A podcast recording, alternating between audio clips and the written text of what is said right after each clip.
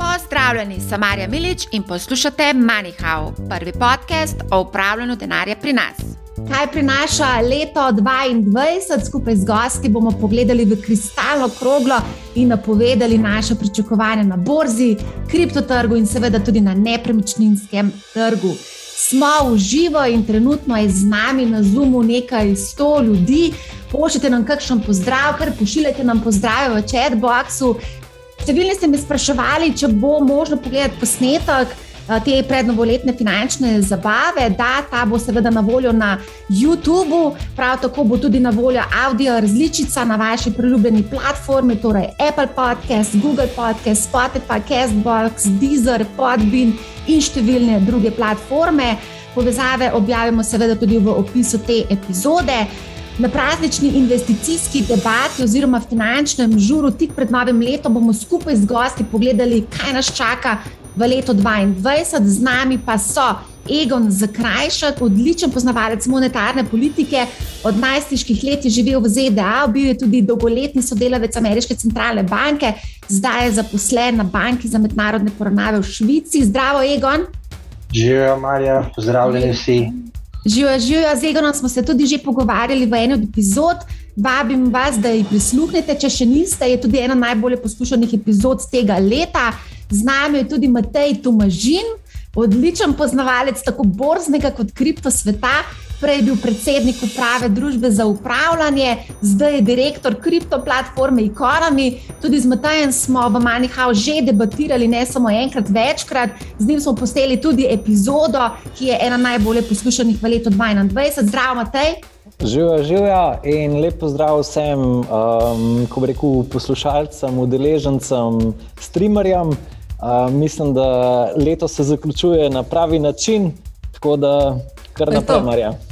To je to. Z nami je še en Matej, Matej Šimnic, ki je direktor področja analiz na Capital Genetics, odličen poznavalec borznega dogajanja in specialist za analizo slovenskih blue-chipov in ne samo slovenskih, tudi drugih blue-chipov.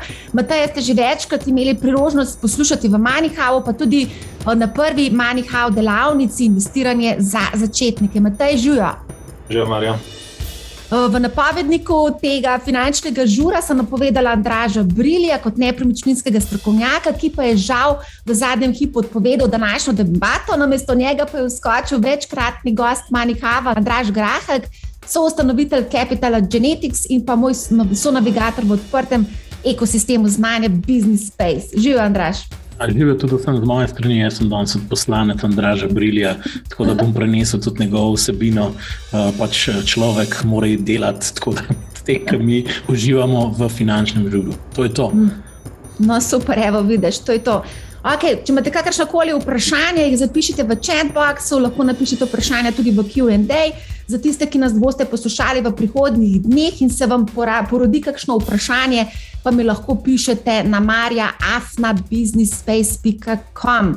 Preden gremo v akcijo. Za ogrevanje preverimo, kaj v letu 2022 najbolj zanima vas, oziroma na kaj boste najbolj osredotočeni. Evo, anketa je že on, dajte rešiti, lepo prosim, kakšni so, na kaj boste najbolj osredotočeni v letu 2022, borza, investiranje, nepremičnine, nakup ali prodaja zaščita pred inflacijo, priložnosti na kriptotrgu, finančno izobraževanje, pismenjevanje, karijera, odnose z najbližjimi, zdravje, osebnostna rast. Ne vem, boste ok, ali se rešuje anketa.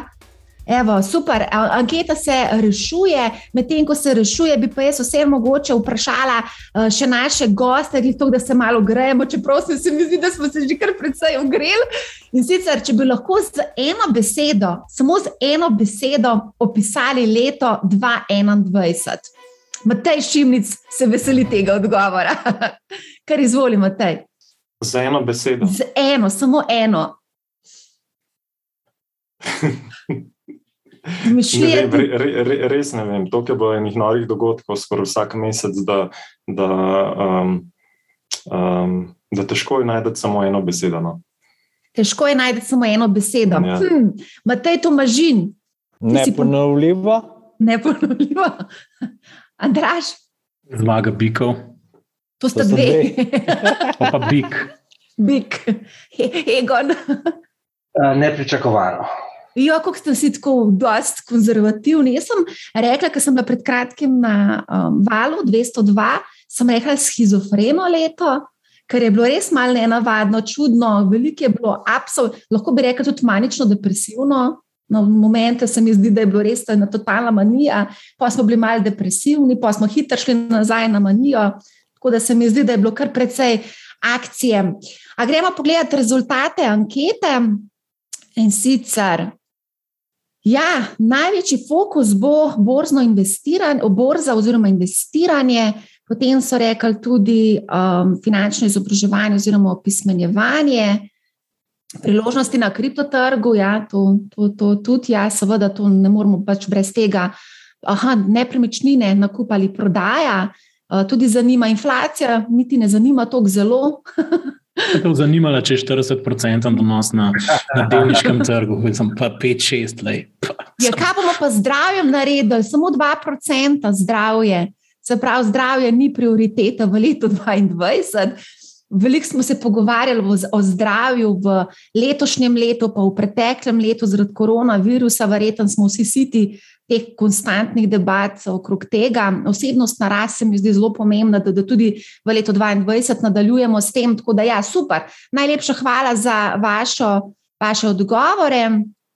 Tako da, neč predlagam, da gremo kar v akcijo in začnemo z najbolj aktualno uh, zadevo. In sicer gremo kar na centralne banke. Zdi se mi, da to zelo pomembno lahko tudi vpliva na naše naložbe.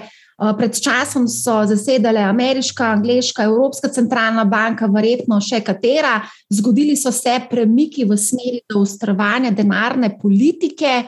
V Angliji so se, so se odločili za dvig obrestne mere, v ZDA so napovedali, da bodo trikrat dvigovali v letu 2022, v Evropi smo pa rekli, da mi tega ne rabimo, mi bomo v letu 2022 brez, ne bomo dvigovali obrestnih mer. Torej, centralne banke, vsaj nekatere, z različnim tempom umikajo skledo punča zabave ali pač Egon. Lahko mogoče pokomentiraš zadnje poteze centralnih bank, pa mogoče tudi retoriko, spremembo retorike novega starega šefa Feda, Pavla, glede inflacije. In še glede na kaj se je dogajalo in zadnji podatki, ki smo jih dobivali je, tako, iz statističnih uradov o inflaciji, je bilo jasno, da je uh, prvič ta ideja, da so te učinki rekel, kratkoročni, je, tako, da je to samo rekel, tako kratkotrajni vpliv pandemike krize, da so se skazali, da so bistveno bolj trajni. Tako da to je bilo jasno pričakovati, da se bodo centralne banke bodo spremenile. To je treba razumeti v kontekstu, da vse napovedi, ki jih centralne banke zmerom dajo, ne samo v tej situaciji, ampak v vsaki situaciji, so zmerom, kot se reče, contingent. So, so pogojne, na kaj se bo dogajalo na, na, na, mislim, na finančnih trgih in v realni ekonomiji.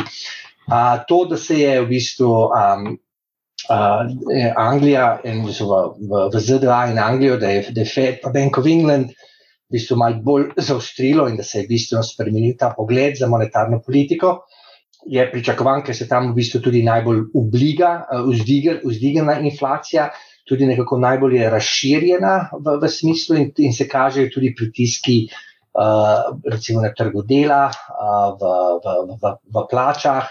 Tako v Angliji je tudi malo povezano recimo, z odprtostjo ekonomije, oni imajo precej velik pastru, kar se pride iz zunanjega iz zunanjih faktorjev, ki vplivajo na inflacijo. Tako da to je bilo jasno. ECB s tem, da je ECB še zmerom, tako trenutno kaže, da smo še na nuli in da to bo še trajalo naslednjo leto, je nekako tudi za pričakovati, zato ker po eni strani bi rekel okrevanje v, v, Evropski, v Evropski uniji, v evroobmočju, še ni doseglo, bi rekel. Je, seveda, se je zredno popravilo, malo je sicer začasno z zamikom, glede na ZDA in, in, in Anglijo, In, in tudi se mi zdi, da neki strukturni problemi inflacije, da si tle lahko je, tako, privoščijo, da še malo počakajo, glede na, je, tako, na popravek ekonomije. In kot je recimo ta omikron varianta zdaj le prišla, se vidi, kako hitro se lahko stvari spremenijo na realne poglede. Tako da te, te poteze so pričakovane in treba pa se zelo, zelo zavedati, če posebej za vse ljudi, ki se ukvarjajo z investicijami, ki res tako imenovano igrajo se z denarjem to, kar centralne banke komunicirajo, to je samo napoved. Tako, to ni napisano, to ni pogodba in centralne banke se bodo seveda spremenile, a je tako, um, bodo spremenile svoje, svojo politiko, če se razmere spremenijo.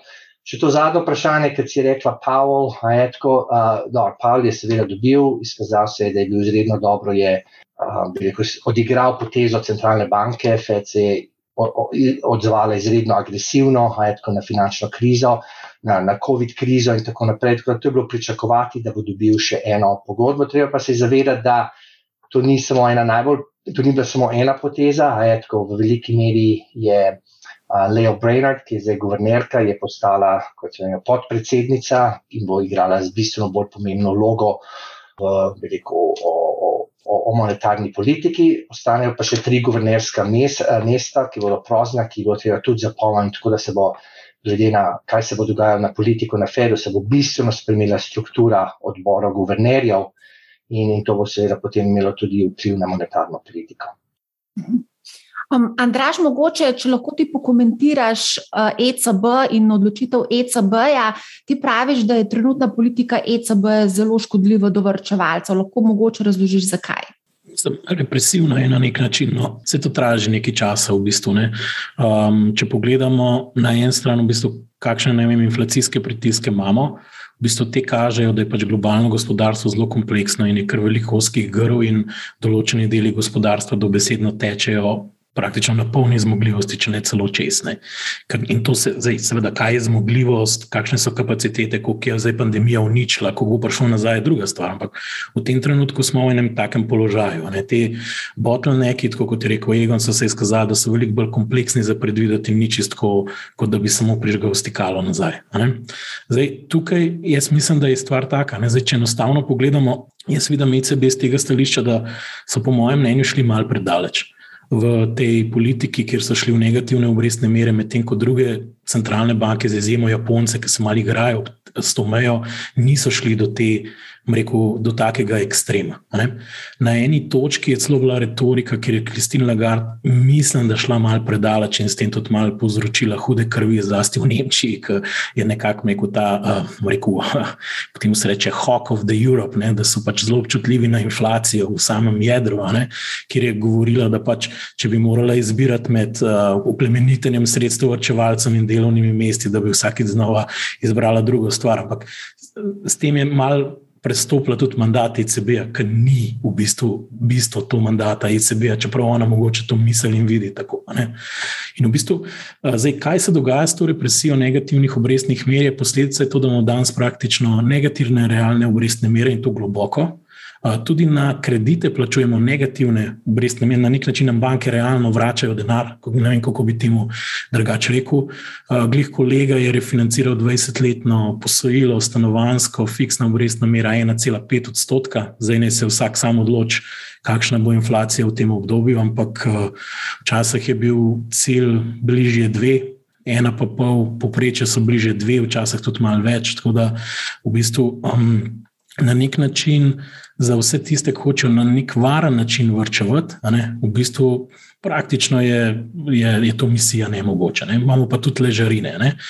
Zdaj, mišljeno je bilo, da ne bi to vse spodbudili neko kreditno aktivnost, pa neko ekonomsko aktivnost, ampak za ta nivo represije finančne, ki se je zgodil, govorim na kratkem koncu krivulje, pa v obrestnih merah, kjer bolj dražimo, jaz bi rekel tako, na nek način ne, se spodbuja um, sprejemanje tvegan, uh, ni pa to tako vodil v povečanje neke kreditne aktivnosti, če gledamo nazaj, glede na to, koliko je bilo treba posega.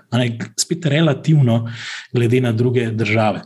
Pač zakaj? Po mojem mnenju, ker ima Evropa strukturne težave, ki so bolj pomembne kot pa nekaj, kar lahko ti skozi transmisijski mehanizem rešuješ z nekim zasuvanjem denarja. Če, mene, če se mene vpraša, tudi če dajo na nič nazaj, glavno to obrestno mero za refinanciranje in se pač bolj sfokusirajo, seveda, na nek, temu se reče, tapering, zmanjševanje operacij odkupov vrednostnih papirjev, se nam več bistveno spremenili na terenu. Ker jaz vam lahko povem, da je velika konkurenca pri prevzemih podjetij, pri investiciji in zdaj je tista obrestna mera minus nič cela pet ali pa nič, popolnoma irrelevantno, po mojem mnenju, za te long-term capital management odločitve.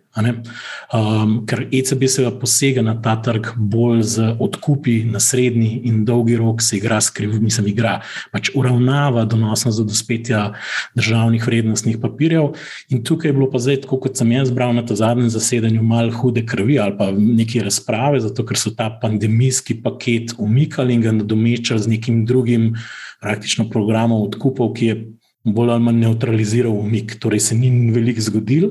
Edino, kar je pa naplavil ta sestanek, je naplavil neko debato med, mislim, da nemškim, avstrijskim, pa zdaj se ne spomnim, kdo je še bil v tem kampu uh, članom sveta ECB. Ne, Ki, je, ki, nek, ki nekako vedno bolj postaja pozoren na inflacijske pritiske. Um, tukaj je treba še eno stvar vedeti, po mojem, ker se malo premalo govori tudi pri nas, da evro v bistvu v tem okolju, valjda nizkih obrestnih mer ali pa ne, negativne obrestne mere ali pa tudi odkupov, ki se dogajajo in relativno nižjih obrestnih mer, tudi izgublja vrednost. Torej, dolar se je konkretno ukrepil proti evru in to še bolj. Inflacijske pritiske povečuje, ker večina teh, ko reko, kompleksa surovin, kovin, modernih kovin in to, se v bistvu se cena formira v dolarjih. Kar pomeni, da je samo zato, da je dolar, je bil še nek ta dodaten pritisk. Tako da jaz mislim, da bi tukaj mogel uh, vsem iti malo bliže njihovemu mandatu stabilnosti cen. Skrbi me to, da bomo videli, da beseda bo bolj volatilnost še naprej in tudi volatilnost cen. Ni samo tle inflacija, inflacije ni, ampak bojo tudi nihanja. In ta nihanja, če cel kup denarja skozi daljši sistem, jaz ne vem, če nujno zmanjšuješ to volatilnost, če ljudi nekako siliš v sprejemanje tvega. Zdi se mi, da je zelo, da je tukaj šlo ECB dlje, kot bi bilo potrebno. To je moje mnenje. No. Ja, sili se ljudi dejansko v sprejemanje višjih tveganj, tveganih naložb. Egon, kako pa ti gledaš na to politiko ECB-ja in Kristin Lagarde ter oznako nemške revije Bild, da je Madame Inflation? Madame Inflation, ja. Ne, mislim, eh, dost, mislim, to, kar je Andraš povedal, mislim, je, je, je zelo tehno in, in jaz se strinjam. Mislim, treba, jaz bi rekel tako, kot dolgoletni, kot centralni bankir to, da, veš, da, da monetarna politika je bila zmerom, tudi ko smo prej, je, tako, ljudi, tudi ki si jih že ne spomne, veliko ljudi ne spomne. Je, tako, ko so centralne banke je, tako, uravnavale kratkoročno, čez nočno obrestno mero 25 bazično, ba, bazičnih točk gor in dol, je, tako, ki niso imeli dobenega odtisa v finančnih trgih, v bistvu, ker je šlo vse preko normalne transmisije, preko obrestnih mer, premi tveganja. Je bilo zmerom about, je, tako, risk taking. Če si ti spustil obrestne mere, je jasno, da je bilo slabo za varčevalce, je bilo to dobro za, etko, za, za, za kreditojemalce. Zdaj smo pa v sistemu, kjer smo prvič šli v negativne obrestne mere, kar je še posebej etko, drugače. In drugič, govorimo etko, o ciklih, ki je dolg. Govorimo o, o desetletjih etko, ničelnih obrestnih mer, celo negativnih obrestnih mer, in seveda to ima probleme. Um, zdaj, tako je reči, ali ta, ali veš, you never live a counterfactual, ajtko, to je velik problem ajtko, v tem smislu. Zato, da, veš, kaj bi bilo, če, če ECB tega ne bi naredil, naredili. Ajtko. To je zelo težko reči, ampak če gledaš, ajtko, seveda so te, uh, jaz bi rekel tako, kar, kar raziskave zdaj kažejo, precej, ajtko, tudi ne samo iz, iz, iz ECB-ja, tudi v Ameriki, zvrmo še eno tako comparative picture v tem smislu, je to, da, da te rekel, netradicionalni ajetko, monetarni ukrepi čez čas zgubljajo ajetko, malo te potentnosti. Ajetko. In, in, in a, recimo, a, veš, a, negativne obrestne mere so efektivne a, in recimo v določenih drugih državah, recimo Švica in Švedska, ki niso v evro, ajetko, v evroobmočju, so seveda imajo še, še skoraj bolj negativne kot ECB, in, in tudi tle nekako preživijo, in to da je določen stimulativen ukrep, ampak ta ukrep s časoma ajetko zgublja svojo potenco. Tako da se pa totalno strinjam s tem, kar je rekel Andraš, ajetko, da v Evropi so drugi strukturni problemi in te strukturni problemi bi jih morala reševati fiskalna politika in to je zelo težko na evrski ravni, ker ni evrskih obveznic, ker ni, tako, je, vsaka država je za svoje in v bistvu nimaš normalne fiskalne unije. Tako da um, s tem, da je prestopila tako mero, meni se zdi, da to, mislim, ja, je, je tudi zanimivo, recimo Jens Wiedemann, tako, dolgoletni predsednik uh, Bundesbanke je pred kratkim odstopil. Je, tako si ti rekel, odstopil, da, ga, da bo odstopil zaradi tega, ker ga trajajo, išče nove izzive in tako naprej. Ampak zdi se mi, da v veliki meri v zakulisju, da je bil odstop tega bil povezan. Veš, da je bil skozi, mislim, kot rimski senator Katon, ki je skozi rekel na koncu govora, sicer mislim, da je treba Kartagino uničiti in na koncu to postane tako, kot ena stara lajna. In um, tle, tle, tle se zna zaplesti, zato ker tle je konkreten problem. To je ne samo ECB, ampak vseh centralnih bank trenutno je to, da če gledaš javni dolg, To so ogromne količine, glede na BDP, v, v razmerih, in ta dolg se trenutno lahko financira, ker so obrestne mere tako nizke. Če enkrat začnejo centralne banke zdigvati obrestne mere in se to prilije na dolgoročne, ima lahko to velike fiskalne probleme za ogromno državo. In tle, tle se bo ta politika zelo, zelo zapletla, še posebej, če se bodo centralne banke začele agresivno odzivati na inflacijo z dvigom obrestnih mer, tako, umikanje količine denarja in tako naprej. Tle, tle se znaš stvari res zaplesti. Matej Tomažin, kako pa recimo kriptosvet spremlja dogajanje oziroma ukrepe centralnih bank? Po mojem, tako gledajoč v bistvu dosedanja gibanja, pa rečemo v bistvu dogodke, ki so sledili, je kriptotrg dosti podoben kot finančni trg. Ne? Ko je kriza ali ko, je, ko, ko se zgodi nek dogodek, ki prestraši vlagatelje, je zmeri ta flight to cash. In takrat, ne glede na to, to smo, to smo prvič dobro videli leta 2007, 2008, 2009, ko se je zgodila finančna kriza, ko so nekorelirane investicije, se pravi, različni riski so enako štrbunkalni navzdol. Se pravi, ker so ljudje, so hoteli samo v denar. In mislim, da se od takrat dalje, v bistvu vsakeč, ko se zgodi nekaj, kar napoveduje, v bistvu mogoče spet začetek uh, malo bolj, kako rekel, negativnega obdobja, se kar naredi ta repriza. Pri kriptu je pa to toliko še bolj volatilen.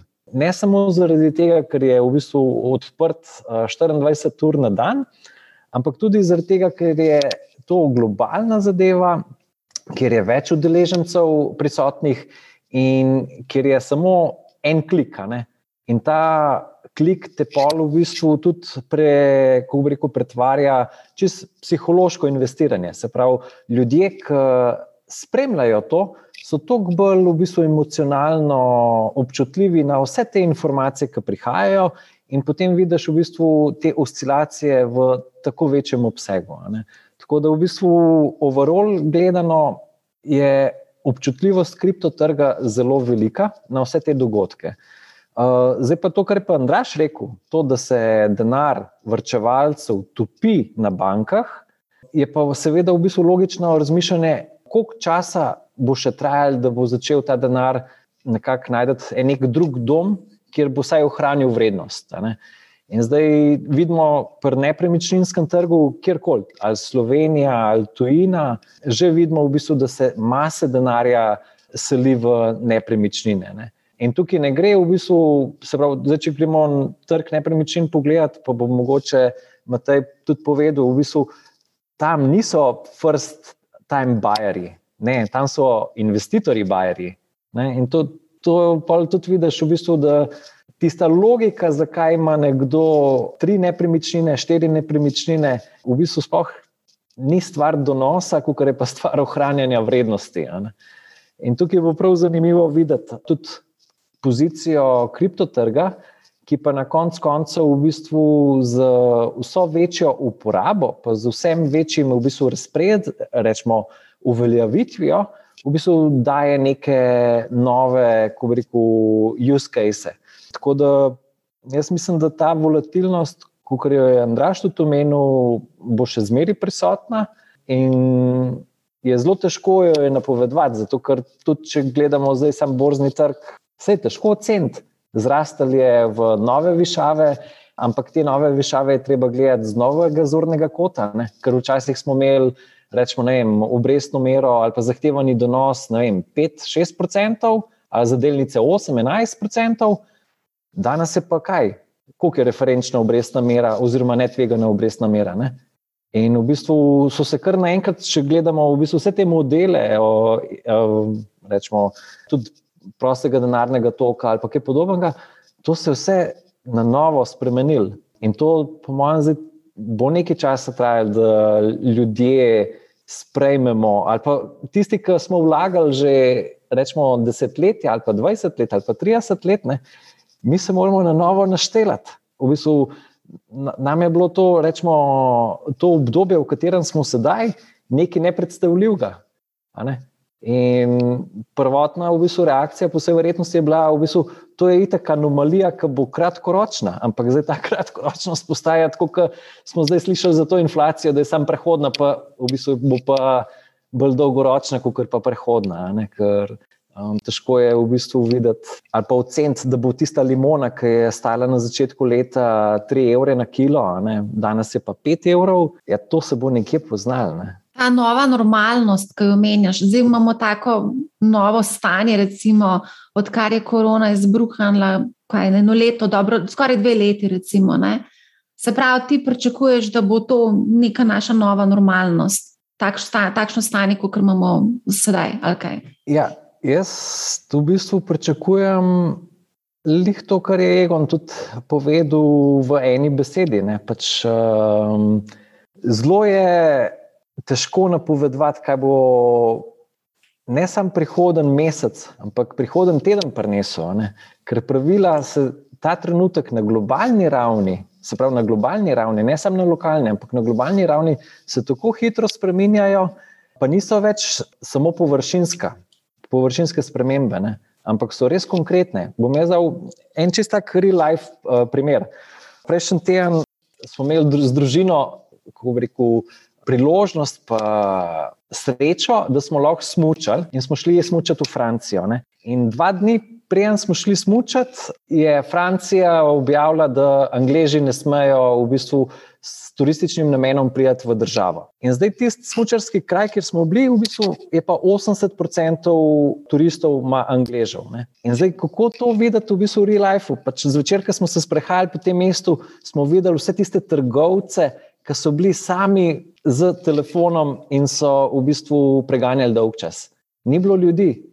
In takih stvari se mi zdi, bo vse več, kot pa vse manj. Zato, ker v bistvu ne vem nekako smo, kot si ti tudi omenila, ne, ta šizofrenost ali pa kaotičnost. Ne. Po mojem, v bistvu smo zdaj v nekem takem obdobju, dokler se ne bo to nekako umirilo. Ne. Ali pa saj, da bo nakazal pot nazaj v normalo. Ne.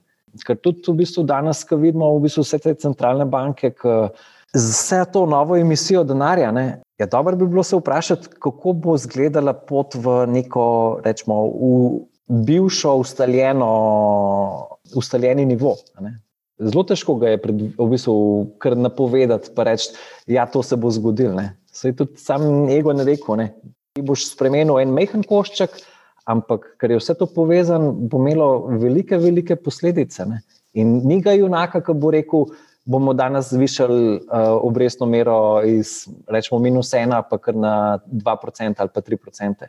Zato, ker v naslednjem trenutku bodo vsi tiste podjetja, uh, ki imajo malo več uh, zadolžitve, v bistvu pod vodo. Ne. To je pa pol podoben kot lockdown. Ne. Um, vem, kratka, zelo težko. V bistvu, jaz mislim, da vsi trgi, se pravi od kripto do nepremičninskih, do finančnih, so dan danes tako povezani, da ne moramo govoriti v bistvu o nekem izoliranem otoku, ampak lahko samo rečemo, v bistvu, okay, to so neki globalni trendi, splošna psihologija vlagateljev in probaš na tem nekako razumeti, ne, kaj se pač, kako se stvari odvijajo in dogajajo.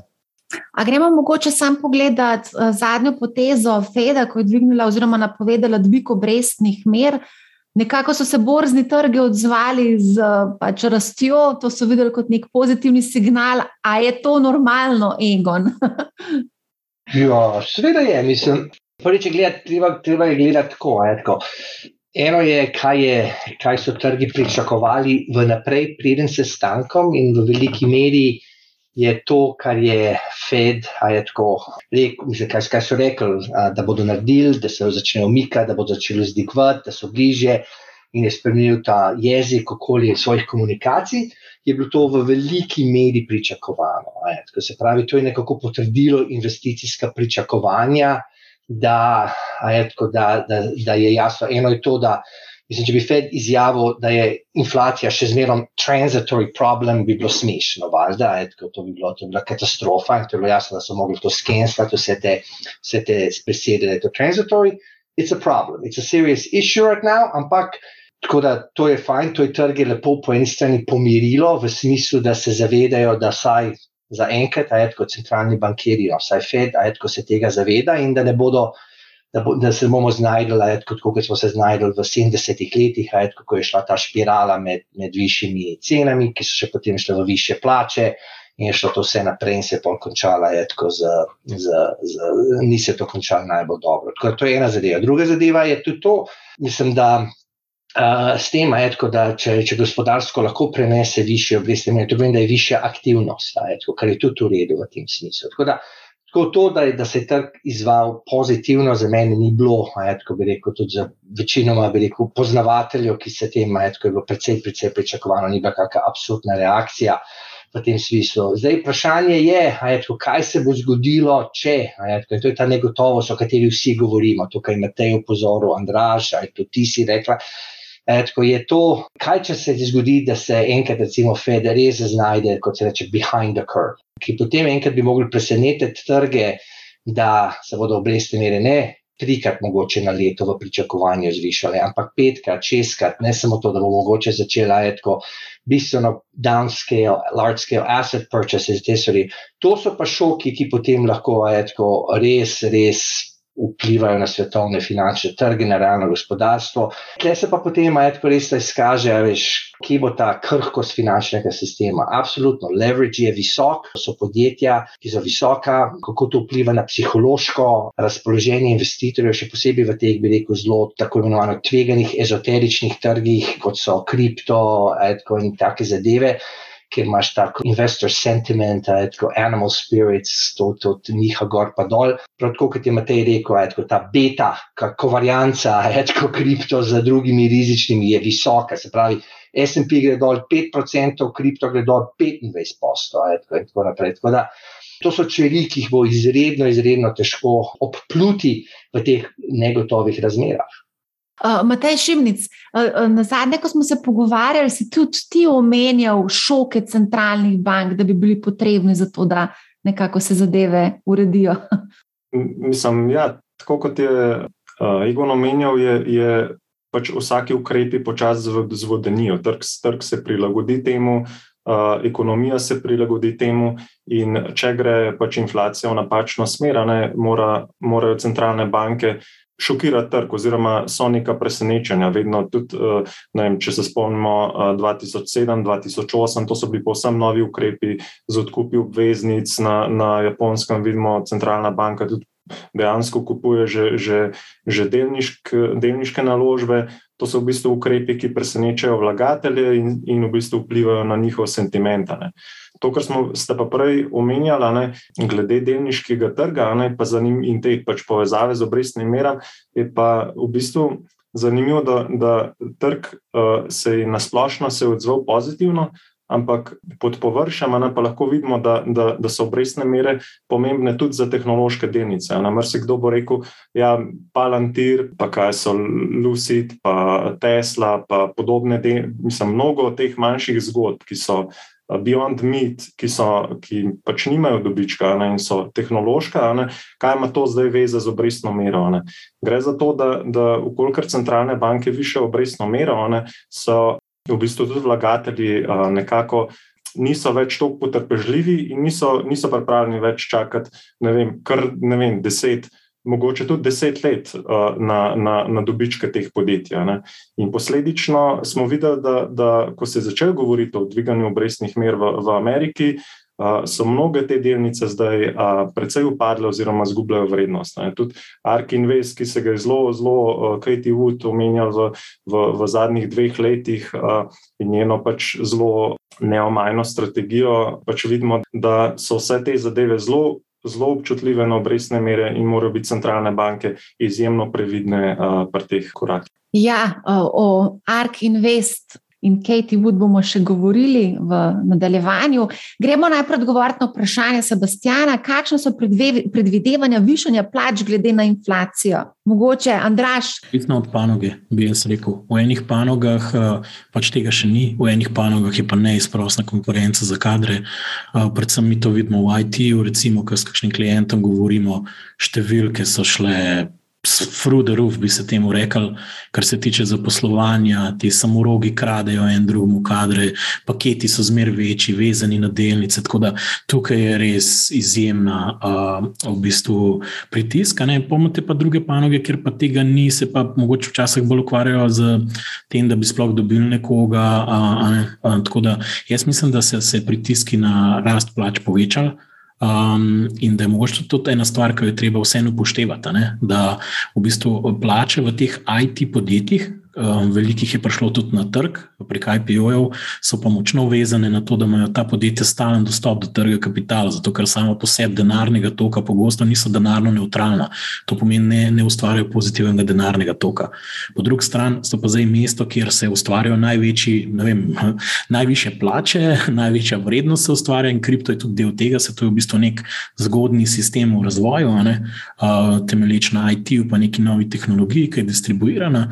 Tako da, definitivno so pritiski na plače, se že vidijo v določenih sektorjih. In tudi, recimo, če Slovenijo pogledamo, je praktično zaposlenost blizu polne zaposlenosti. Tako nizke brezposelnosti nismo imeli, ne, ne vem, kdaj smo jih sploh imeli, iskreno povedano. Tako da, um, se pravi, jaz vsem že nekaj časa opažam, da vem, enostavno nočemo sprejeti, da to gospodarstvo v teh okoliščinah, kakršnega imamo danes, vsem deluje blizu polne zaposlenosti. Ne vem, kaj se tako čudimo, da so neki inflacijski pritiski, ki prihajajo od različnih.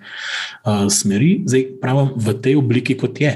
Ne, naredili smo globalen sistem, ki je bil just in time, zdaj se pa te stvari malo spremenjajo. In zdaj, ko to malo nazaj daš, hkrati bi pa vsako leto malo več kupil, naredil, uh, dobavil, se to dogaja, kar se dogaja. In ta realen, realno gospodarstvo bo malo grizenlo urad, ta naš metavers, jaz temu rečem, ker živimo v eni aplikaciji, noter, ki na en klik nekaj naročiš. Ne.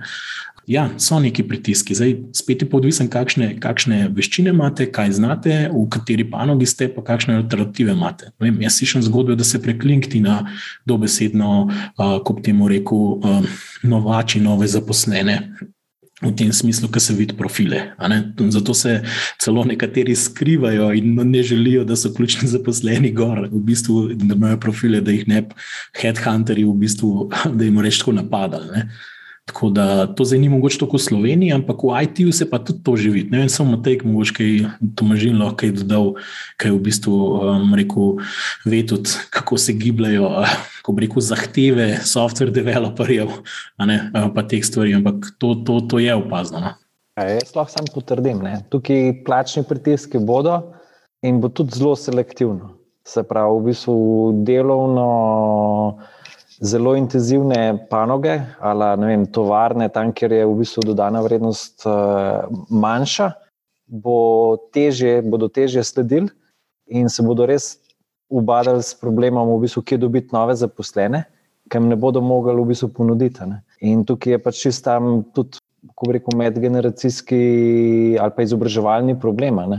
ker kadrov, ki jih danes potrebujejo podjetja, predvsem v sklopu digitalizacije, jih je premalo. Pa še v bistvu to se je s COVID-om zgodilo, da je v bistvu vsa ta velika podjetja šla zdaj work from home opcijo ali vsaj delno, kar pomeni v bistvu, da slovenc. Ta trenutek lahko dela za ameriško podjetje po ameriških plačah, in bo hitro se vprašal, čakaj, zakaj že? V bistvu tudi petrol mu ne bo mogel konkurirati tudi če bo šel na pol menedžersko plačo, mu ne bo mogel konkurirati. In v bistvu tukaj pač se bo hitro poznali, in mladi bodo tukaj zdaj videli, kam se fokusirati. Po vsej verjetnosti v, v vsa ta znanja, v bistvu, ki bodo vključovali v bistvu vse te novitete.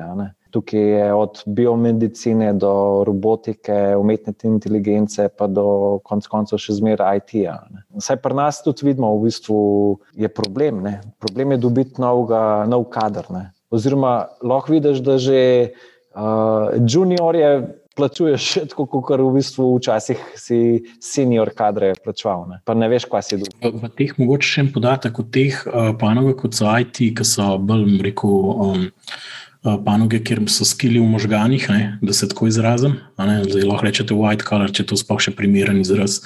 Um, v bistvu je tudi ena beseda equihire. To pomeni, da se kupujejo podjetja samo zato, ker imajo ja. vem, 200 duš pametnih ljudi, ki jih rabaš. In nimaš čas jih 200 zaposlovati, ker bo to trajalo vem, eno leto.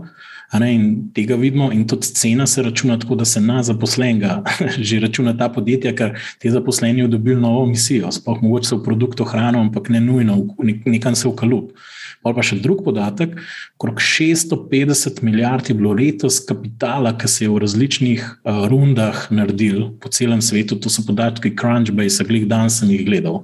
In morate vedeti, da za vsakmo takmo raizom, dvigom kapitala je v zadnjo nek ambiciozen načrt, ki pomeni nek scale-up, kjer se je spet tisoči nekih kadrov želeli zaposliti, zato da bojo pač osvojili nek nov prostor, ki sploh še ne obstaja danes. In, in v bistvu to pomeni, da na eni strani ta kapital, ki ga imamo, ki išče nek dom, neko tveganje, tudi ustvarja potrebe po delovnih mestih in tudi spremenja trg dela. In to se tako hitro, hitro dogaja, da sploh.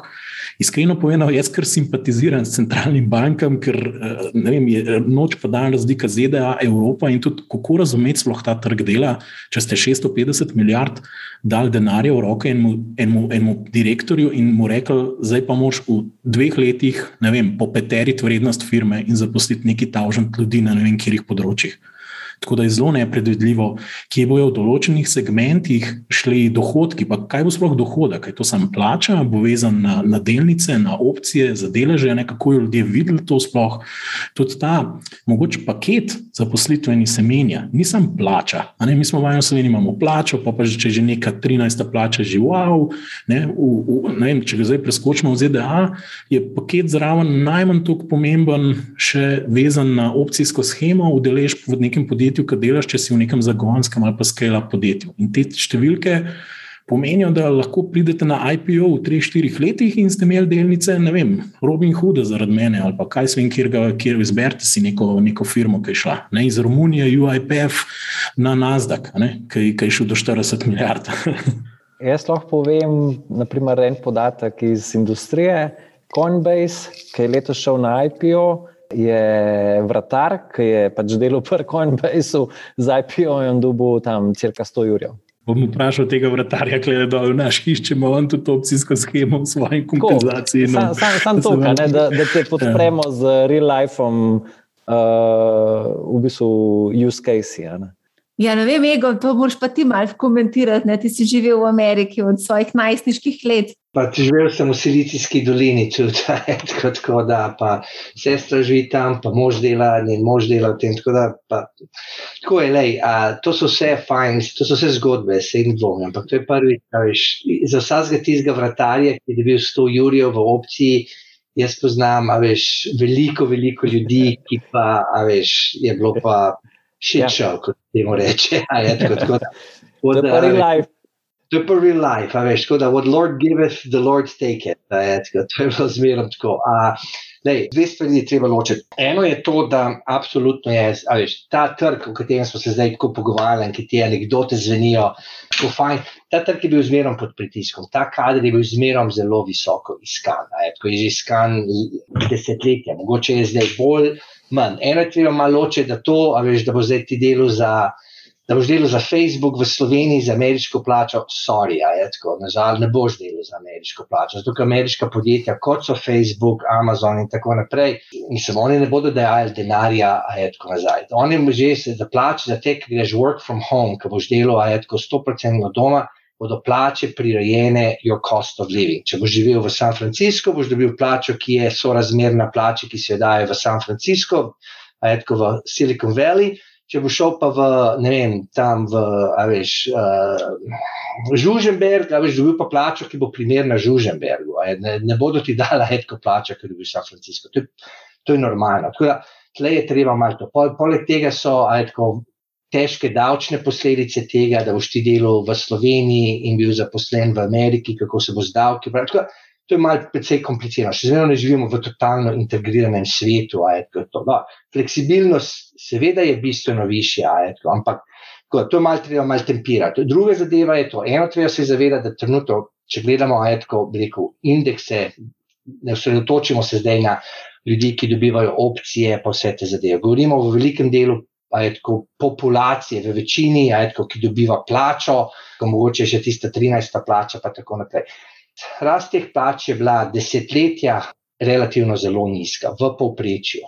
Se pravi, kaj zdaj le v bistvu še le kako nekako v bistvu realno pogledamo, če gledaš real, right, real earnings, take employer cost index, ker je kompozicija ljudi iz meseca in isto ista, kako meriš, bi rekel, nekako konsistentno rast plač. You know, v realnih, če poštevamo na inflacijo, ajatko, je bila rast bistveno pod produktivnostjo. Se pravi, in real terms, you know, people were losing money. Tako da zdaj, kaj se dogaja, v bistvu mal nadoknadimo, ajatko, se nekako we're making up, we're making up for a, you know, a lost decade of wages, saj v Ameriki. To je ena zadeva. Druga zadeva, kaj, kaj lahko, kaj, kako se to prelije v inflacijo, kaj, kaj, kaj, je, kaj je v bistvu sistem. Začne se, ko, ti, ko se to, ko se pomešajo inflacija, prič, inflacijska pričakovanja in plače. Če imaš ti kar naenkrat, inflacija je 4%, pa ljudje zahtevajo, če lahko zahtevajo.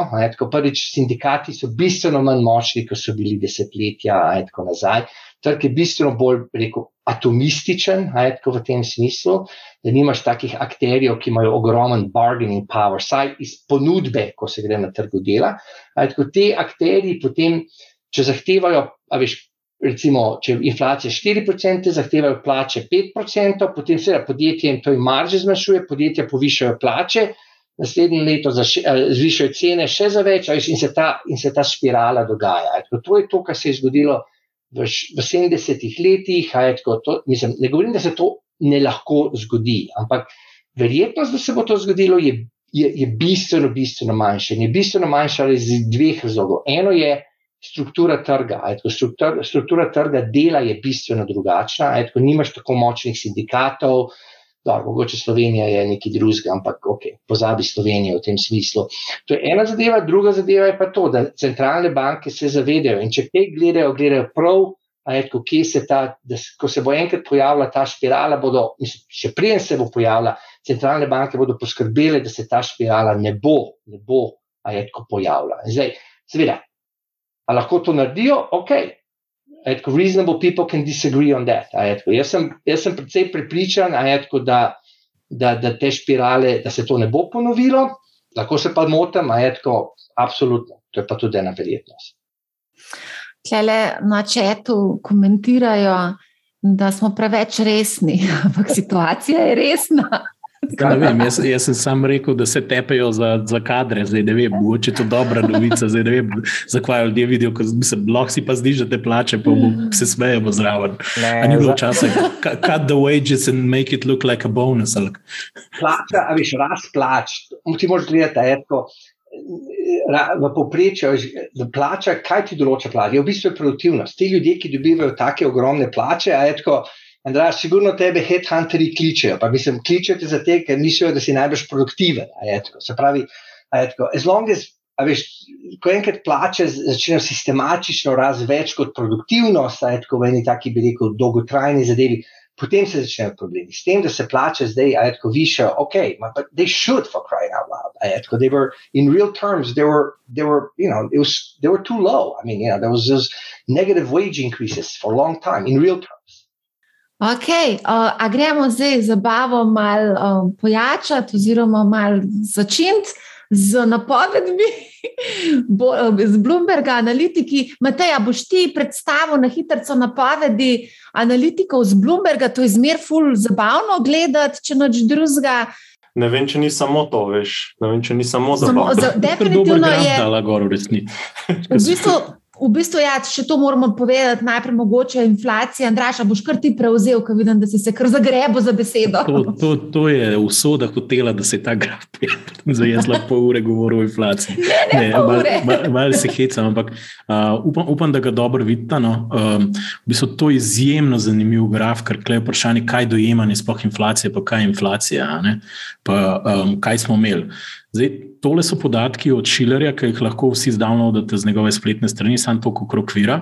In imate tri črte gor. Ta rdeča je povprečje letnih Poprečna letna inflacija, ki je na kumulativni osnovi izračunana, tole je poprečna v celem obdobju od 1881 do 2021, govorimo o ZDA.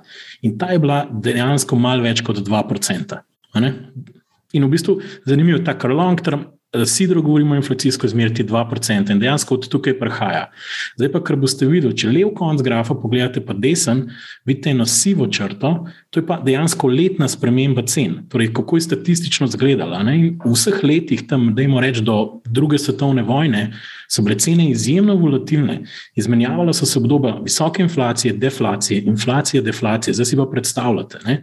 In moderne centralne banke, kaj sploh njihova korist tudi med njimi in zakaj je bil mandat, cenovna stabilnost, je zaradi tega, da se je ta nepredvidljivost teh letnih sprememb začela zmanjševati. In vidimo, da ena izmed glavnih daril centralnih bank, če želite, tudi med drugim, je bilo to, da so se ta siva nihanja da jim rečemo, od 90-ih let naprej praktično izjemno znižala. Zdaj pa, pomembna je pa tudi modra črta, ki je pa povprečna desetletna inflacija, torej desetletno obdobje. Nekaj investirate recimo za deset let v delnice in vas zanima, koliko morate na delnicah narediti, da vam inflacija to ne požre. Zmer smo imeli epizode ali pa izmenjujoče se epizode, ki je beseda epizodična inflacija, da imamo temu tako reči. Torej, cikle više inflacije in niže inflacije. In so bili cikli desetletne inflacije, ki so bili pod dva in bistveno tudi nad. In v bistvu mi ne gledamo danes na to inflacijo na tak način, in zaradi tega smo tako zakorenjeni v ta 2%, pa dejstvo, da smo imeli 20 let izjemne cenovne stabilnosti in da se nam lahko zgodi, da bomo imeli 5 ali pa 10 let večje cenovne nestabilnosti in da ni čisto nenavadnega, če je povprečna inflacija na deset let lahko tudi pet odstotkov. Se je bilo tudi v modernem obdobju, če lahko temu rečemo po Bretton Woodsu, tudi pet odstotkov. No, in zdaj smo nekako na tem, uh, kako bi temu rekel, uh, pred, uh, pred, stojimo pred to odločitvijo, ne, ali bo potrebno ukrepati, da se to ne zgodi. Ne? In ta graf, zelo zanimivo, ker se zmeraj kregamo, lejte, letos je ena cena gor 30% dol. In je, ker centralne banke gledajo, po moje, gledajo to, da ne uide iz tega kanala okrog tega nekega sidra ven, da, ta, da te cene ne podivjajo v eno in drugo smer, ker najhujše, da v bistvu so zakrivulje, kot je rekel Egon. No? Tako da ta graf mi je zelo zanimiv. Kaj je smešnega povezano s tem grafom? Kaj je smešnega povezano? Smešnega. Jaz zmerno no, ti zaključujem. Ja, ne vem, mogoče si kdo kaj spomnil. No? Vse izzivam, da svoje kreativnost na področju eh, finančnega sitkoma pre, pre, pre, preizkusijo. Zdaj, če kle kaj smešnega, jaz ne vem. Ne, zdaj, eh, pač, ne. Egon, mogoče, Egon je ja, tle. Ja, ja. Jaz, jaz, jaz s tem ajš, delam precej, ajde, tako da ta graf dol, poznam super, Andraž, da si dal gor. To je res, bi rekel, tako, ajš, naredi ljudem malo perspektivo. Pa, par stvari bi tako pozoril na to. Prvič, to, kar, je, kar se dogaja, v, to, to je sicer slika za ZDA, ampak to je slika, ki velja v bistvu za vse tako imenovane razvite države. To je zelo, zelo, bi rekel, standardni dolgoročni pogled inflacije, kako je to. To je prva zadeva. Se pravi, to ni samo specifično za ZDA, je, to je Evropa, Velika Britanija, Avstralija, zelo, zelo podobno. To je prva zadeva. Druga zadeva je tale, ta zak, gre modra črta, če gremo od desne na desni strani nazaj, se pravi v 70-ih, a je tako 80-ih tam. Se nekako vidi, da v koncu 60-ih let se modra črta, pa sive črte začnejo zdigvati. In če potem pogledaš, recimo, siva tam, tam na koncu 70-ih, v začetku 80-ih let, je 15%, letna inflacija v Ameriki je 15%.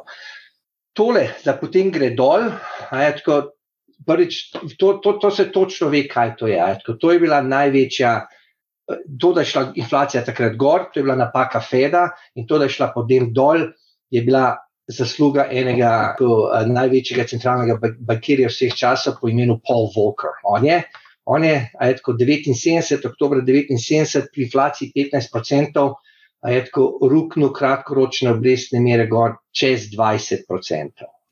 In s tem si vidiš, kako inflacija pade dol, se trend se umiri, No, takrat, naprej, takrat je imela Amerika dve recesiji, ki ste bili najglobji, najbolj globji recesiji po veliki depresiji 20-30 let, ne govorimo zdaj o veliki finančni krizi. Potem pod Greenspanom se je, se je utrdilo. No, takrat naprej kot je Andraš omenil, ta siva črtica lepo niha okoli 2%, tako, kar je približno Fedov simetrični, ta, uh, simetrični cilj inflacije, ki jo posega do gede. Če pogledaš v tem primeru, je tako ta recimo.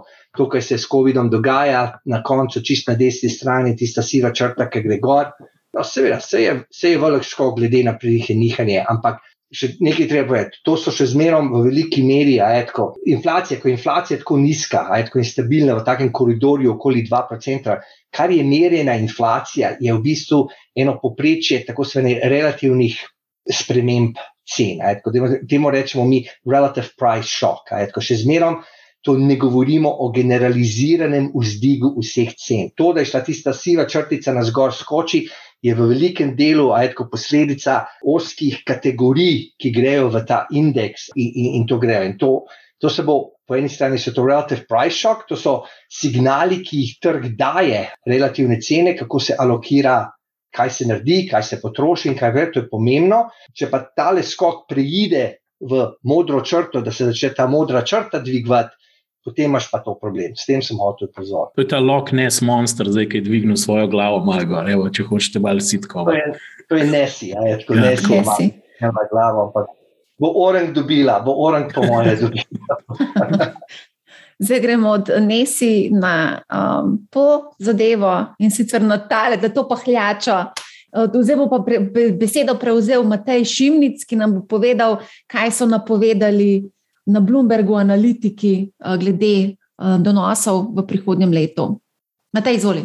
Ja, hvala. To je, v bistvu, to je, to je že kar uh, praksa zgodovinska, da investicijske banke vedno, vedno ob koncu leta, tam začetek decembra, konec novembra, mogoče že začnejo svoje uh, klijente obveščati o tem, kje njihovi analitiki oziroma strategi uh, vidijo, kje bodo indeksi konec leta. Zdaj to je tako, to je v bistvu za zabavo, oziroma probajo zadeti, no, ampak je zelo težko. Uh, vemo, da je na trgu že, že naslednji dan težko zadeti, kaj šele celo leto. Je pa tako, da, da, da so zdaj dejansko so bili članki, da je razpon med, med najnižjo napovedjo in najvišjo uh, že dolg časa ni bil, ni bil tako visok. Tako da so si analitiki predvsej v bistvu neenotni glede tega, kaj se bo dogajalo dejansko z, z, z borznim trgom, v tem primeru gre za SP 500, oziroma kje bo in indeks ob koncu leta. Večinoma vsi pač govorijo, da bodo dobički še vedno rasli. Glavno so pričakovanja, da centralne banke, da je napoved sicer blag glede više na obrestne mere, ampak da jih v resnici ne bo.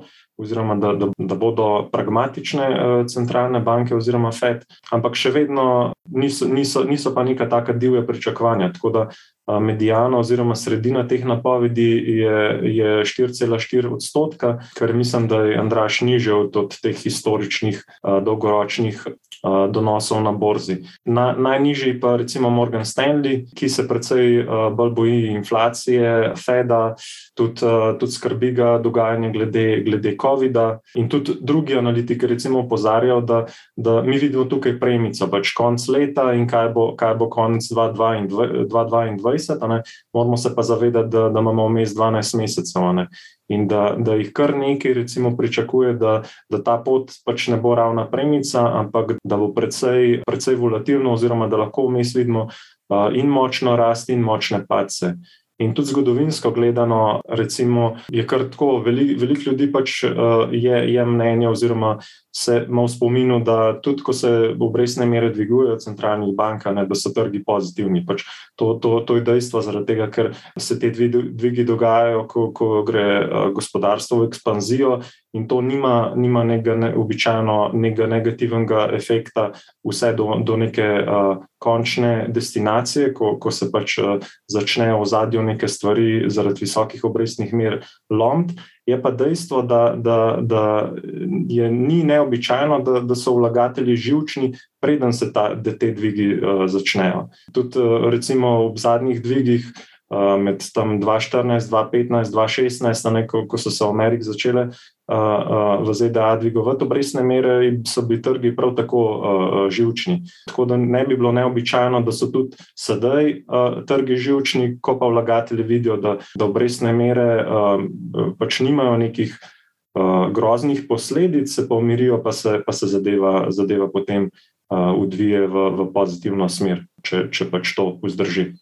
Ko je zdaj Amerika, gremo pogledat še Evropo, DAX, nemški indeks DAX. Ja? Podoben, podobne, podobne so pričakovanja za, za, za Evropo. Gre za to, da se, da se pričakuje, da bodo uh, rezultati podjetij se izboljšali, da imajo evropska podjetja uh, dobre bilance uh, in podobno. So pa tudi določena pač negativna pričakovanja, da da ima Evropa težave, pač, ki se že vlečejo, oziroma so skriti pod površjem. Vemo, da se je prezadolženost določenih evropskih držav ni več spremenila. Potem tudi struktura gospodarstva drugačna kot v, v ZDA, manj je, manj je to tehnološko uh, usmerjeno. Inflacija lahko še. Še precej više kot v, v ZDA, predvsem tega, ker bo očitno prihajalo do diskrepance med, med politiko centralnih bank. To se pravi v Ameriki, če se bo zadeva odvila v, v to smer, ki jo določeni že pričakujejo, da bo počasno dvigovanje obrestnih mer, kot smo govorili v Evropi, to ni, to ni pričakovan pričakovano, kar se dogaja, ne, je, je uh, rast cene dolarja. In v primeru, da mi pač kupujemo zdaj dolarske, dolarske izdelke v, v Ameriki, je za evropejca to kar naenkrat, kar naenkrat draže in, in so te inflacijski pritiski še nekoliko više. Ne. In zdaj napovedi sicer nimamo za, za, za trge v razvoju, ne, ampak v trgih v razvoju vidimo tudi Kitajsko, pač z, težavami na nepremičninskem v nepremičninskem sektorju, uhlajanjem, vidimo, da gre centralna banka tam dejansko že v nasprotno smer. To se pravi, da nismo še videli nižanje obrestne mere, ampak smo pa videli sproščanje določenih politik v, v finančnem sistemu in v rahljanje monetarne politike, kar pomeni, da bo tudi tam juan recimo izgubljal napram, napram dolarju in se tudi tam lahko pojavlja inflacija oziroma uh, pač to, vse te diskrepance, ne, ko, ko centralne banke niso na, na, na pač ne veslajo v isto smer, ne, je lahko pač precej težavno, no, oziroma lahko privede do, do, do, do problemov. Da, za, za, za trenutek moram reči, da je to zelo dobro, ker je zelo o tem govoril.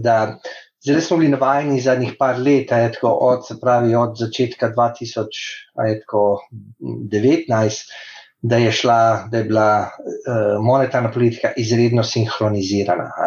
In se pravi, vse centralne banke so spustile obrestne mere, vzpostavile velike ukrepe kvantitativnega you know, spuščanja, kupovale vse obveznice, finančne papirje in tako naprej.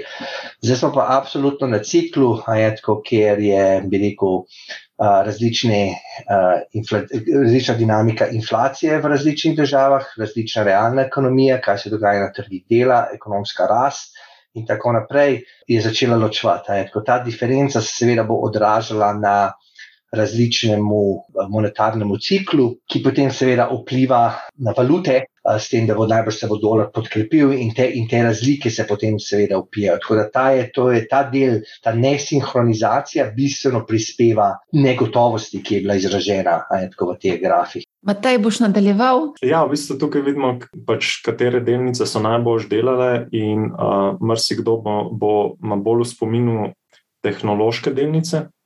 Ampak v realnosti pa uh, gre pa v resnici za to, da, da uh, da vedno, vedno primerjamo pač leto na leto. Tehnološke, so, tehnološke delnice so bile zelo uspešne v, v zadnjih dveh letih. To, to, to je sigurno dejstvo. Je pa res, da so v letu 2020, na kar zdaj delamo primerjavo, predvsej v slabšem položaju se znašle uh, naftne delnice. Tako da ni presenečenja, ne, da, da, recimo, da so bili uh, najuspešnejši vlagatelji v, v lanskem letu, prav tisti, ki so, oziroma v letošnjem letu, no, prav tisti, ki so stavili na, na odboj nafte oziroma na, na, na energetski, energetski sektor.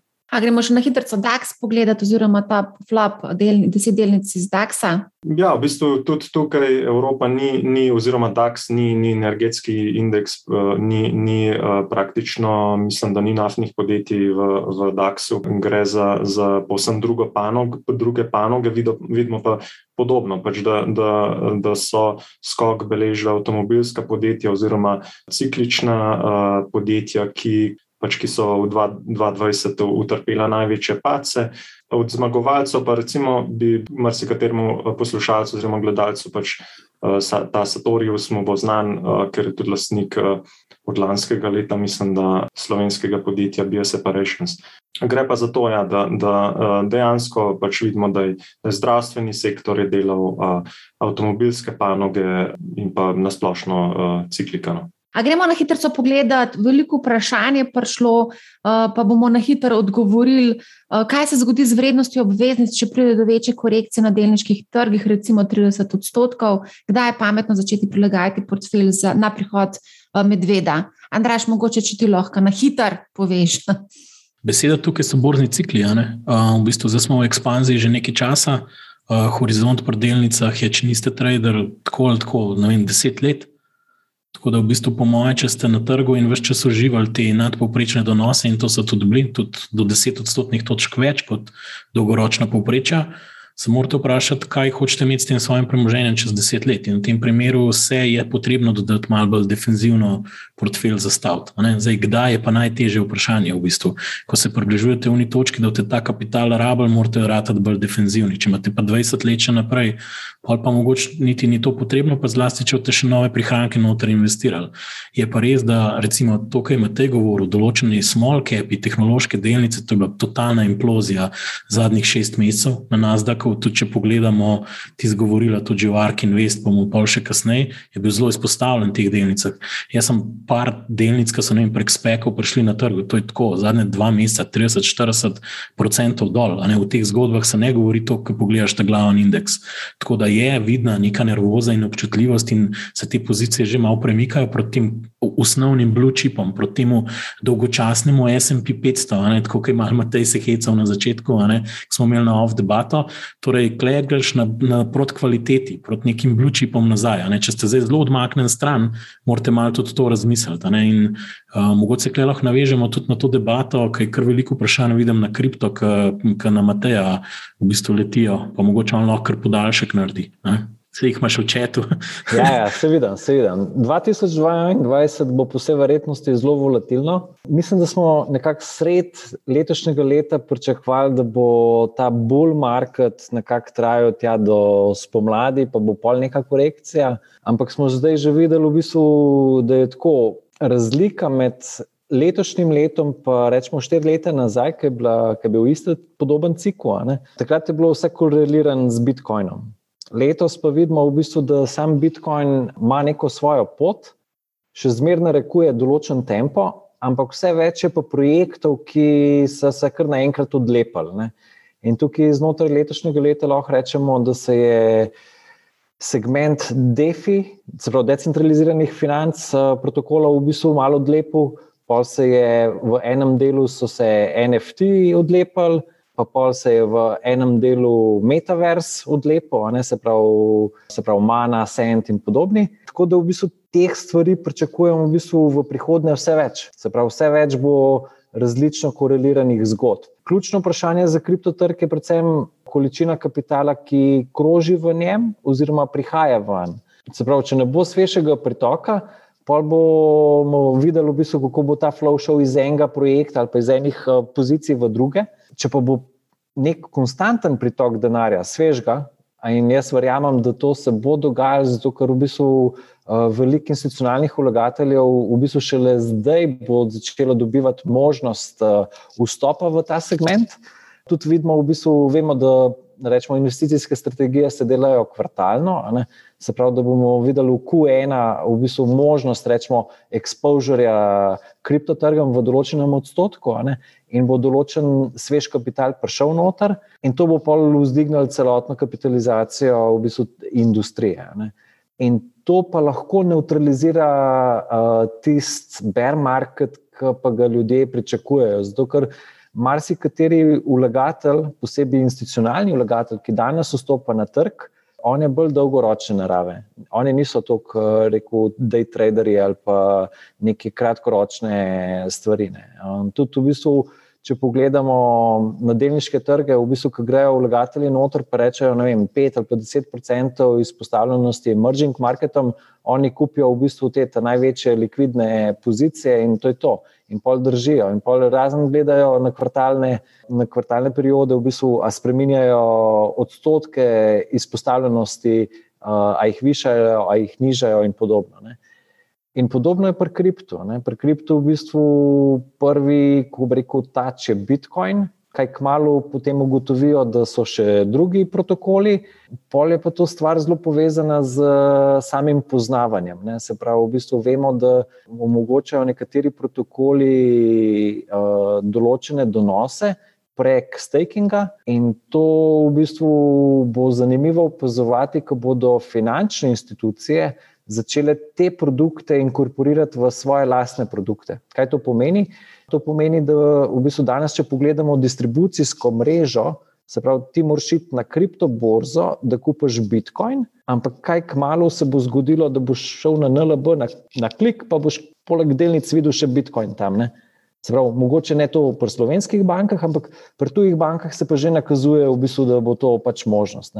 Ker se bo pa to zgodilo, v bistvu, bo pa ta izpostavljenost uh, ali pa dosegljivost teh naložb tako večja, um, da bo v bistvu spremenilo. Ker kripto trg dan danes je še v relativnem obsegu majhen.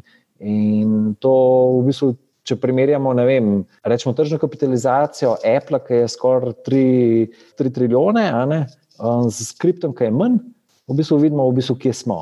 Tako da jaz mislim, da leto 2022 bo leto, kjer uh, bo večja vključenost vlagateljev, različnih vrst vlagateljev, določeni projekti bodo dali nove proizvode ali pa nove storitve na, na, na trg, kar pomeni v bistvu, da bomo spet videli v bistvu zelo zanimive stvari. Vem, mogoče bo tukaj Facebook oziroma Metaverse prišel s svojim stablecoinom ven, pa bo nove stvari ponudil, mogoče bo Amazon se vključil v to tekmo. Ne vemo, kaj nam pripravlja Elon Musk, pa Dogecoin.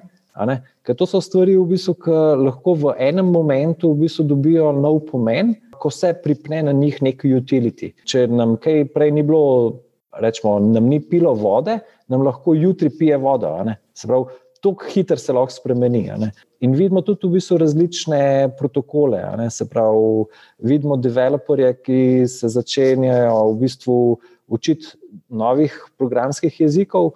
Pa vidimo tudi po drugi strani, ko reko, pametne pogodbe, ki prihajajo v programskih jezikih, ki so pa zelo razširjeni. Naprimer, tukaj bi lahko izpostavil od Kozmosa projekt Agorik, oni delajo pametne pogodbe v JavaScriptu. Se pravi, koliko je programerjev v JavaScriptu, ali pa koliko je programerjev v, rečemo, v Rastu, v bistvu, to, nepred, v bistvu, to so zelo velike številke. Ne?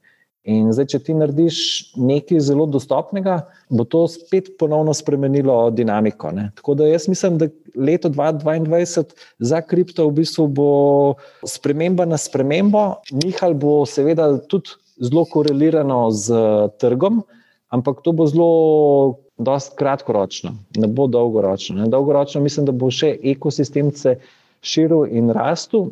Tudi pogovore, ki jih imam, naprimer z regulatorji, razkrivajo, da pač um, tukaj se pripravlja, v bistvu to bo, kripto bo enako kot delnice. Se pravi, mi moramo gledati v, v, v tej smeri, moramo razmišljati. Ne. Ta faza v bistvu tistih projektov, ki, imeli, ki niso imeli čistih namenov, rečemo skemi in podobno, to je šlo mimo. Vse se še bodo zmeri dogajali, ampak dan danes, v bistvu, ko bodo ven prišle vem, osebne identitete, vse te stvari, ki temeljijo na tehnologiji blockchaina, pa so mogoče pa povezani tudi s kriptovalutami, to si težko predstavljati. Ne. Pa tudi, v bistvu, kaj se moramo še predstavljati, ne, mogoče le to za, za občutek. Se pravi, ko se pogovarjamo o finančnih trgih, se pogovarjamo o investitorjih. Ne. Število investitorjev v kriptosvetu se pravi, je pa čist drugačno. Zakaj? Zato, ker v bistvu kriptosvet bo nagovarjal tudi, naprimer, gamerje. Zato, ker bodo vse te založbe, ki izdajajo igrice, so začele že gledati, v bistvu, kako inkorporirajo ali bodi si NFT-je ali pa bodi si kriptovalute v svoj kontekst ali pa v svoj poslovni model. Ne. To se že dogaja, play to earn, imaš kar nekaj igric. Ampak naslednjo leto bo pa tega še toliko več, ne? ker bodo v bistvu tudi vsebine dosti prilagojene. Ne? Tam pa bomo dobili v bistvu kar naenkrat zelo, zelo velike stvari.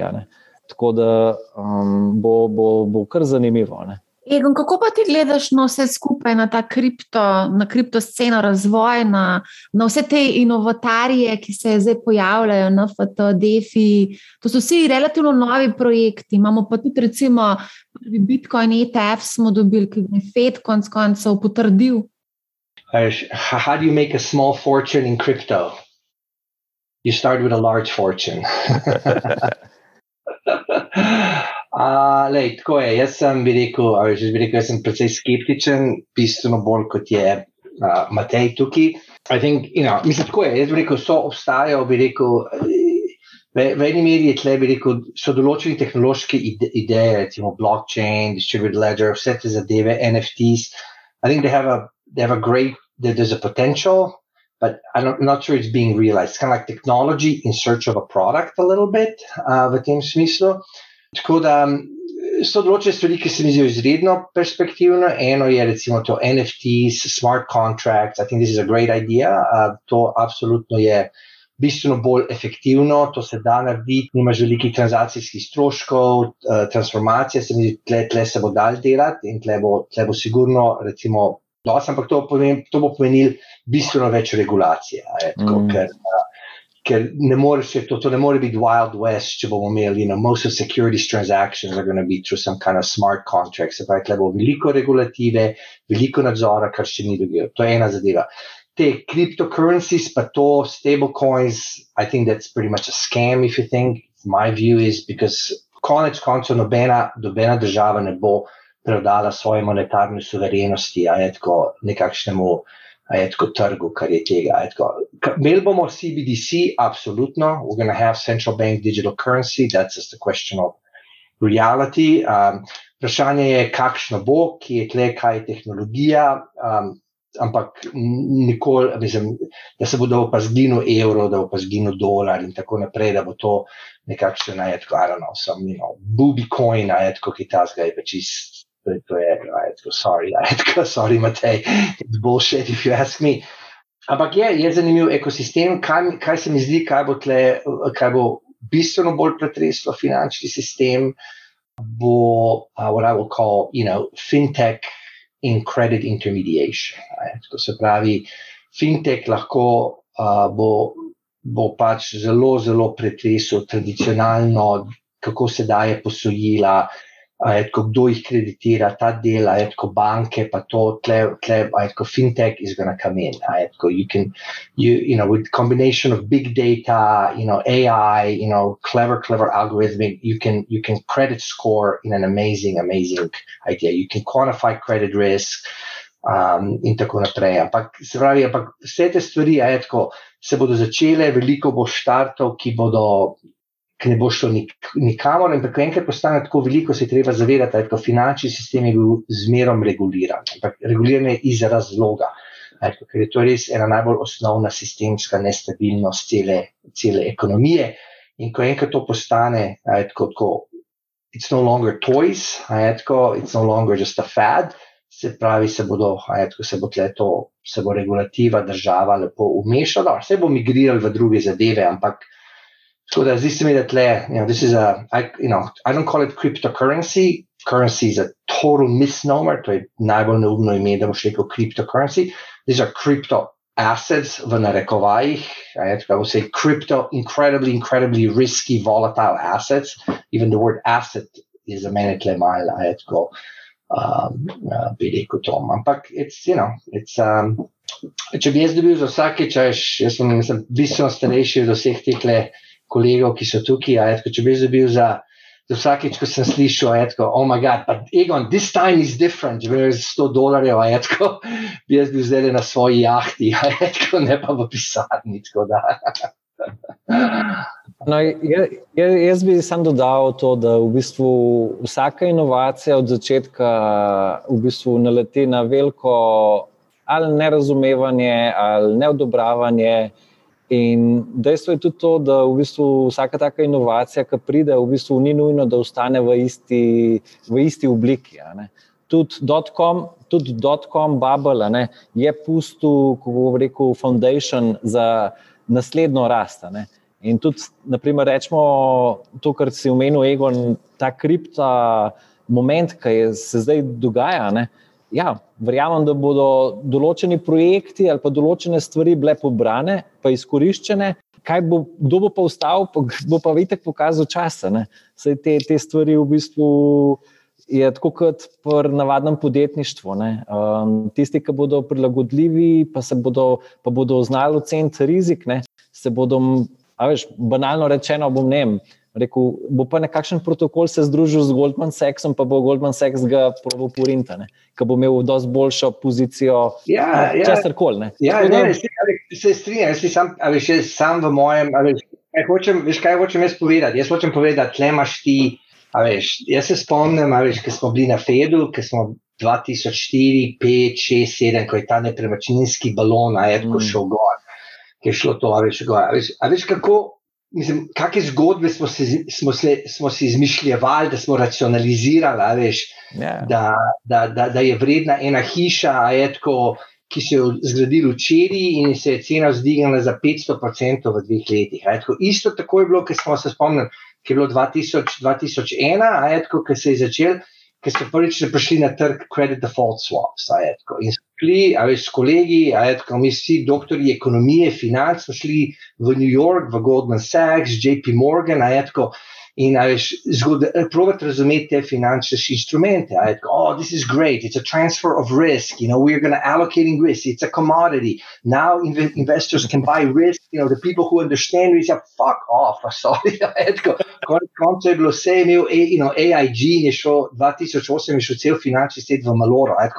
To je bil tudi Goldman Sachs. Veš, takrat so začeli prodajati. Tako da, iz teh zgodb je neskončno, neskončno. Se strinjam z enim, bi rekel, svojo tezo, da je ta tehnologija, the combination of big data, you know, computing power, tako, to je transformativna tehnologija. Kje bo to končalo, jaz ne vem in zelo dvomim, da to ve kdorkoli. Tisti, ki je rekel, da bo vedel, veš, to, čist, to je bila čista sreča, da bo vedel, kje je to končalo. Vmes bodo nekateri ljudje dobili bajne zaslužke, ampak milijone, milijone ljudi bo pa izgubilo tudi ogromno, ogromno denarja. To je, to, je, to je del finančnega trga, del euforije, to so sentimenti. Veš, to se dogaja že stoletja, to ni zdaj nekaj novega. Ampak sigurno bo transformati, tra, transformativna tehnologija, ki bo končala, se strinjam. Ne vem. Ampak najbrž, rekel, po mojem, tudi ti ne veš. Ne, ne. Tukaj se popolnoma strinjam. V bistvu to, kar bo čez dve leti A pa se ti lahko greva tako pogledati. V bistvu, če pogledaš market cap pri kriptu, naprimer leta 2015, pa 2017, pa 2020, pa 2022, to so druge zgodbe. Ok, Bitcoin ustaja, pa še kakšen ustaja, ampak tam se pa menjajo. Ne? In ja. zdaj ja. v bistvu se vprašati, kdo bo Amazon te industrije, kdo bo v bistvu Google te industrije, to je zelo težko. Tudi če pogledamo uh, Facebook, kdaj je prišel, ali pa Apple, kdaj je postal. Ja, ja. Naprimer, iPhone je prišel 2007, ven, pa smo imeli pametne telefone že deset let prej. Ne? Ja, ja, ja, absolutno. Ne, jaz sem samo to upozoril, to je pa nekaj, kar, veš, kar mi zelo všeč, kar Marija s svojim podcastom dela. In, veš, je to, da opozarja ljudi eno osnovno finančno pismenost. Ja. Tle, tle se je treba zavedati. Mislim, investiraj denar. Tako, um, Veš, investicije so dobre, razpršene so, ampak to so tvegane investicije, tega se je treba zavedati. To ni, to ni mislim, tako, veliko delo tega je euforija, tako, investorska psihologija in tega. In tle, in tle, je, in tle je to, veš, to, je, to je tudi Andraš preomenil. Ti moraš imeti dolgoročni horizont, ti moraš gledati na dolgoročne zadeve. Ej, jaz sem tudi neki kriptota v, svojih, tako, v svojem portfelju, zato ker je. Je, tako, pač, veš, to je del razpršenosti v tem svetu, ampak veš, s časom se to umika, greš v druge zadeve in tako naprej. Tako da tle, veš, it's, it's, this, is, this is really, really speculative yeah. hiring. No, moja teza je še ta, da v bistvu um, ni pametno v bistvu sam mižati. Um, se ni nujno v bistvu, da, um, da si fully investit, ampak lahko pa spremljaš. Um, vemo pa, da če daš tisoč evrov noter, da boš malo več spremljal, kot pa če boš imel nič evrov noter. Ne? Um, in zato je v bistvu dobro pač spremljati. Sej, vse stvari je dobro spremljati, da imaš pa v bistvu, da lažje pač se, vem, po enem letu ali po dveh letih se lažje odločiš ali pa vidiš. Um, ja. Na koncu je pa tek ta rizik, ki ga moraš sprejeti. Ne? Ampak hmm. danes je očitno v bistvu imeti sam denar na banki pač rizik. Katastrofa, ja, ja, se strinjam. Sem bila prejšnji teden, sem predavala 17-letnikom, tretjim letnikom gimnazije, dijakom, sem predavala o osnovah osebnih financ. In na stopnicah sem videla en zelo zanimiv napis, mislim, da je od Sokrata, vem, da noč ne vem. Tako da, mogoče pa v tem trenutku vemo pa nekaj. Ja, na, recimo na kitajskem so kar orang udarili po tehnoloških gigantih, udarili so pa tudi po kriptu, ker so pač kriptovalute so prepovedane. Na kitajskem pa tudi kriptomenjalnic, pač tam več ni. Ne. A se to lahko recimo zgodi tudi recimo v Ameriki, Evropi, kjerkoli, da rečejo pač. Ne vem, centralne banke ali pa kdorkoli, zdaj pa konc, ki jo zaprimo štacuno. Ja, ameriške centralne banke so, v bistvu, tam so rekli, da tega ne bodo naredili. Uh, lahko pa se zgodi. Se pravi, tako kot je Egon rekel, ne, pač, če bo kritična točka dosežena, uh, tukaj so nepisana pravila, kdo bo branil svoje mejnike v tem kontekstu. Ker tukaj je res v bistvu napad na ta tudi delno monetarni sistem, uh, pa to avtoriteto, ki jo ima posamezna država. Ne, Um, sam po drugi strani je pa tudi to, da zdaj Kitajci še zmeraj v bistvu kupujejo, pa trgujejo prek rečemo, Singapurja ali pa Hongkonga ali pa še kje druge. Podobno je bilo tudi pri delnicah, uh, ki smo pač pred 20 leti upozorili, kako smo, rečemo, Evropej, oziroma zahodnjaki dostopali do kitajskih delnic ali pa vice versa. Ne. Kar se tiče pa v bistvu mladih, ne, jaz mislim, da tukaj bo treba gledati predvsem to, kar smo se prej pogovarjali, Marijane. Um, mladim je, je ta tehnologija, se pravi mobitel, pametni telefoni, dosti bolj bližji kot pa naprimer nam ali pa našim staršem. In oni v bistvu bodo razumeli uh, vse te stvari, ki bodo nativno prišle iz te tehnologije ven, dosti bolj enostavno. In v tem kontekstu, če mi ne, mogoče ne vidimo tako v bistvu smisla v kakšnih NFT-jih in podobno, ne, bo tukaj v bistvu čisto en nov koncept prišel ven. Ne. In ne bomo mogli uporabljati naše stare, ko reko, naše starne, stare zorne kote. To bo treba čisto na novo se pač resetirati, pa videti. Um, bo pa trg seveda na koncu povedal, kaj pije voda, pa kaj ne pije voda. Ne. Ampak vidimo pa v bistvu, ne vem, saj jaz tako zdaj vidim, pač v kriptoindustriji se pojmi tipa decentraliziranost, se pravi, da se zmanjšuje pomen v bistvu posrednika. Ta je zelo pomembna teza. Pol je v bistvu interoperabilnost, se pravi, da se različne stvari z različnimi, se pravi, različni protokoli med sabo imajo možnost pogovarjati, um, da ni samo en ekosistem, ampak bodo očitno več. Tretje je pa sigurno v bistvu ta, da v bistvu sama ta decentralizacija, ki prihaja, ne, se zdaj kaže tudi v družbenih sferah. Ne, se pravi, imamo že tipa decentralizirane avtonomne organizacije kot neke nastavke novih DD-jev. Ker v bistvu imaš voting, imaš neke pravice, in podobno. In to, to so zdaj pač trendi znotraj, rečemo, naše industrije. Ali lahko mogoče sam pač povem, da bojo še drugi vedeli, da gimnazici sem prosila tudi, da mi odgovorijo na vprašanje, kaj jih najbolj zanima vezano na finance. Uh, in so tako v večini primerov so kar odgovorili, da jih zanimajo kriptovalute, NFT, se pravi non-fungible tokens oziroma nezamenljivi žetoni. Uh, tudi, seveda, vrčevanje, ampak potem, ko smo šli malce v globino, me pa je presenetilo, da številni mladi v bistvu ne poznajo, niti, ne poznajo osnov, v bistvu niti nikjer niso mogli dobiti tega znanja, se doma se o tem naučijo. Ne. Slišali so že, mogoče za kakšen depozit, pa tudi ne vsi. No, moram povedati, da sem bila malo presenečena, da nekateri niso vedeli, kaj je bančni depozit. Recimo, Mladi, 17-letniki, 18-letniki, ki bojo vsak čas osamosvojili, ne, ko bojo šli na faks, bojo mogli v bistvu nekako upravljati s svojim denarjem. Ne. To mi je v bistvu zanimivo. Ampak kar se pa tiče NFT-jev, jaz tudi mislim tukaj, da je en velik, velik potencial. Uh, mislim, da dejansko lahko v neki obliki zaživi, tudi številna podjetja grejo v to zgodbo, Adidas, Nike, um, ne vem. Pač, ampak je pa spet treba upozoriti, ne, da spet, da se spet napihuje nek balon, cene NFT-jev letijo v nebo, uh, tudi težko jih je majnati oziroma mintati. Ne.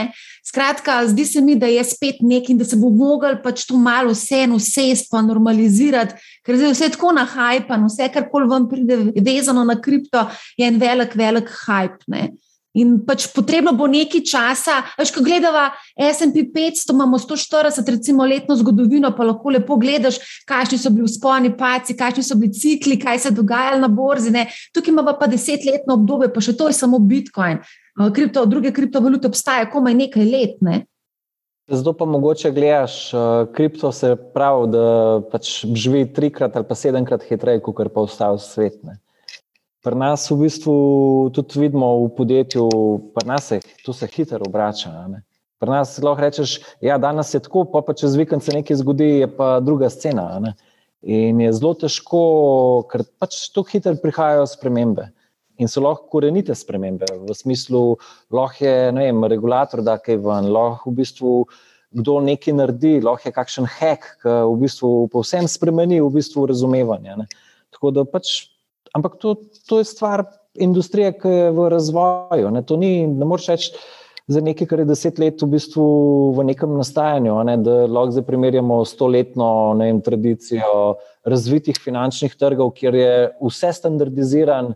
V bistvu vse službe so do potankosti že skoraj v zakonu opredeljene, ali pa naprimer sama zakonodaja že pove, kaj lahko podjetje sploh počne in kaj ne. ne. Medtem, ko na drugi strani pri kriptopodjetjih, pač, ja, lej, tukaj imamo toliko novih stvari, ki prihajajo na, vem, na mesečni ravni ali pa na polletni ravni, so nove storitve. In pol v bistvu, koga boš vprašal, ali lahko to počnem, ali ne morem tega početi. Ker pa smo v bistvu v isti situaciji kot rečemo. Prvi voznik avta. A je on imel vozniški izpit ali ne? Vse verjetnosti ne, ne, se ga ni mogel imeti, če je bil prvi voznik. Um, tako da tukaj je kripto ne? in tudi regulatori v bistvu postopoma pridobivajo znanje in poznavanje tega. Ne? Pa še tako je v bistvu, da se je zdaj zgodil, ker vemo, da sama industrija bo regulirana. Ja, seveda, da vsako podjetje želi dobiti koga, ki bo malo več vedel, kako se regulatori dihajo. Tako da je pol tukaj spet kroženje kadrov in podobno. Ne? Mogoče bi tukaj samo še to povedal, ker se mi zdi zelo pomembno, kaj je on rekel, razpršenost. No. Številni mladi v bistvu nimajo razpršenosti, niso razpršeni, ampak sto odstotno stavijo vse, kar imajo v kripto in posledično to vpliva na njihovo psihološko stanje. Ja. Kar se dogaja na kriptotrgu, se odraža na njihovem psihičnem stanju in to mogoče niti ni tako zdravo, konc koncev. Ne? ne, ampak to, to bi lahko rekel za vse investicije. Se pravi, ne vem, jaz sem vsaj izkušnje od borznega sveta naprej, pač rečemo leta 95, um, ko sem spremljal Dadas, pa Primofine, pa vse te stvari. Ja, pač, kar raste, so vsi zadovoljni, kar pada, so vsi depresivni. Ne? Ne, mi se govorimo o razprašenosti, pač, da ne staviš vsega, kar imaš na tako špekulativno in visoko tvegano naložbo. O tem v bistvu. To je pa mogoče. Pohlep. Pohlep je to, ja, točno to. V bistvu, Ampak pohlep ali pa v bistvu dobro informirana odločitev. Mogoče malo frame vam ta conversation. Uh, kripto je v neki, dajmo prevzeti tezo Mateja, da je kripto v zgodni fazi razvoja. Zahtevani donosi za sklade tveganega kapitala v zgodni fazi razvoja, mi smo naredili analizo letos na podlagi rund financiranja, segajo okrog 80% na leto se zahteva. V kriptu je bil samo Bitcoin, zdaj govorim, historičen, poprečen donos, ko za vse bear markete ne stopa neki procentov na let, ker pač smo leta, ki je bilo dol, pa leta, ki je bilo, ne vem, par tavžen procentov. Ampak zdaj pa samo eno matematiko naredil. Če jaz dam noter 100% na let v, v, v, v 2,2 trilijona, torej to je 2200 milijard, 2,2 bilijona v evropskih izrazoslovju in ga 100% povečujem, potem bom mu, pa bom počasi številko povedal, ne, um, 2 milijona 283, 520 milijard tržne kapitalizacije kripta čez 10 let, ker sem jih za 100% povečal vsak let. Če me razumete, to je pripisal sem zahteven donos 100% na leto. The numbers do not add up. Kaj to pomeni? To pomeni, da bo znotraj tega masovna kreativna destrukcija projektov in da bo ogromno projektov šlo po gobe, noter so pa, kot je rekel Matej, projekti, ki bodo spremenili svet. Zdaj mi pa vi povejte, kateri so. Zdaj tako. Ja, to Ej, je pa težko, Andraš. Čak, čak, sam še, hold on. Zdaj pa tako. Zdaj pa, biti tako pameten, ljudje ne znajo oceniti unih deset delnic v SP-ju, ki bo najbolj zrastel vsak let. Kva še le na deset let. In kako se tega lotevajo skladi tveganega kapitala? Izraz je spray and pray najmanj 100 investicij naredijo, zato ker je failure rate čez 90%, lahko da se ta donos ne ustvari. Torej, v konceptu kripta morate razumeti, da na nek srednji in dolgi rok. Bo potrebno neko to sprejem, prej logiko imeti. Zdaj, a boste investirali po utežeh, glede na pomembnost kriptovalut po trgu, ali boste obtežili palta glavnih teh čejnov, ali kako koli. Vedite pa, če se, za, če se not zapodite v eno zgodbo, se vam lahko zgodi, da boste čez deset let govorim, čez deset let, pravim, ne čez en let, lahko zatredate, imeli od tega nič ali pa nič cela ena. Preživetje teh projektov, nemogoče je, da bo tržna kapitalizacija celega kripta zrasla po 100% na let. To je popolnoma nemogoče, po, po mojem mnenju. Lahko pa da se motim, ker vem, da e, nič ne vem. Ne? Absolutno, Andraš, to je. To je... To, to je, to je, to je treba razpršiti na nek način in se tako, kot nek visi, visi obnašati. Tako da moraš razumeti, koliko da not, Pa jaz bi tudi razpršil na več projektov, jaz vidim zanimive projekte. Sam težava je to, ker se hit najdeš, kar rečeš, tam mi najbolj všeč in vse stavš na enega konja. In klej je za me išil pri kriptotu, ker večina debat je, kater projekt je najboljši. To je isto vprašanje, katera delnica je najboljša, ali pa bojo nepremičnine več kot ne vem, zlato naredile ali pa nekaj drugega. In vsi to zlato jajce iščemo, to kuro, ki nese zlata jajca.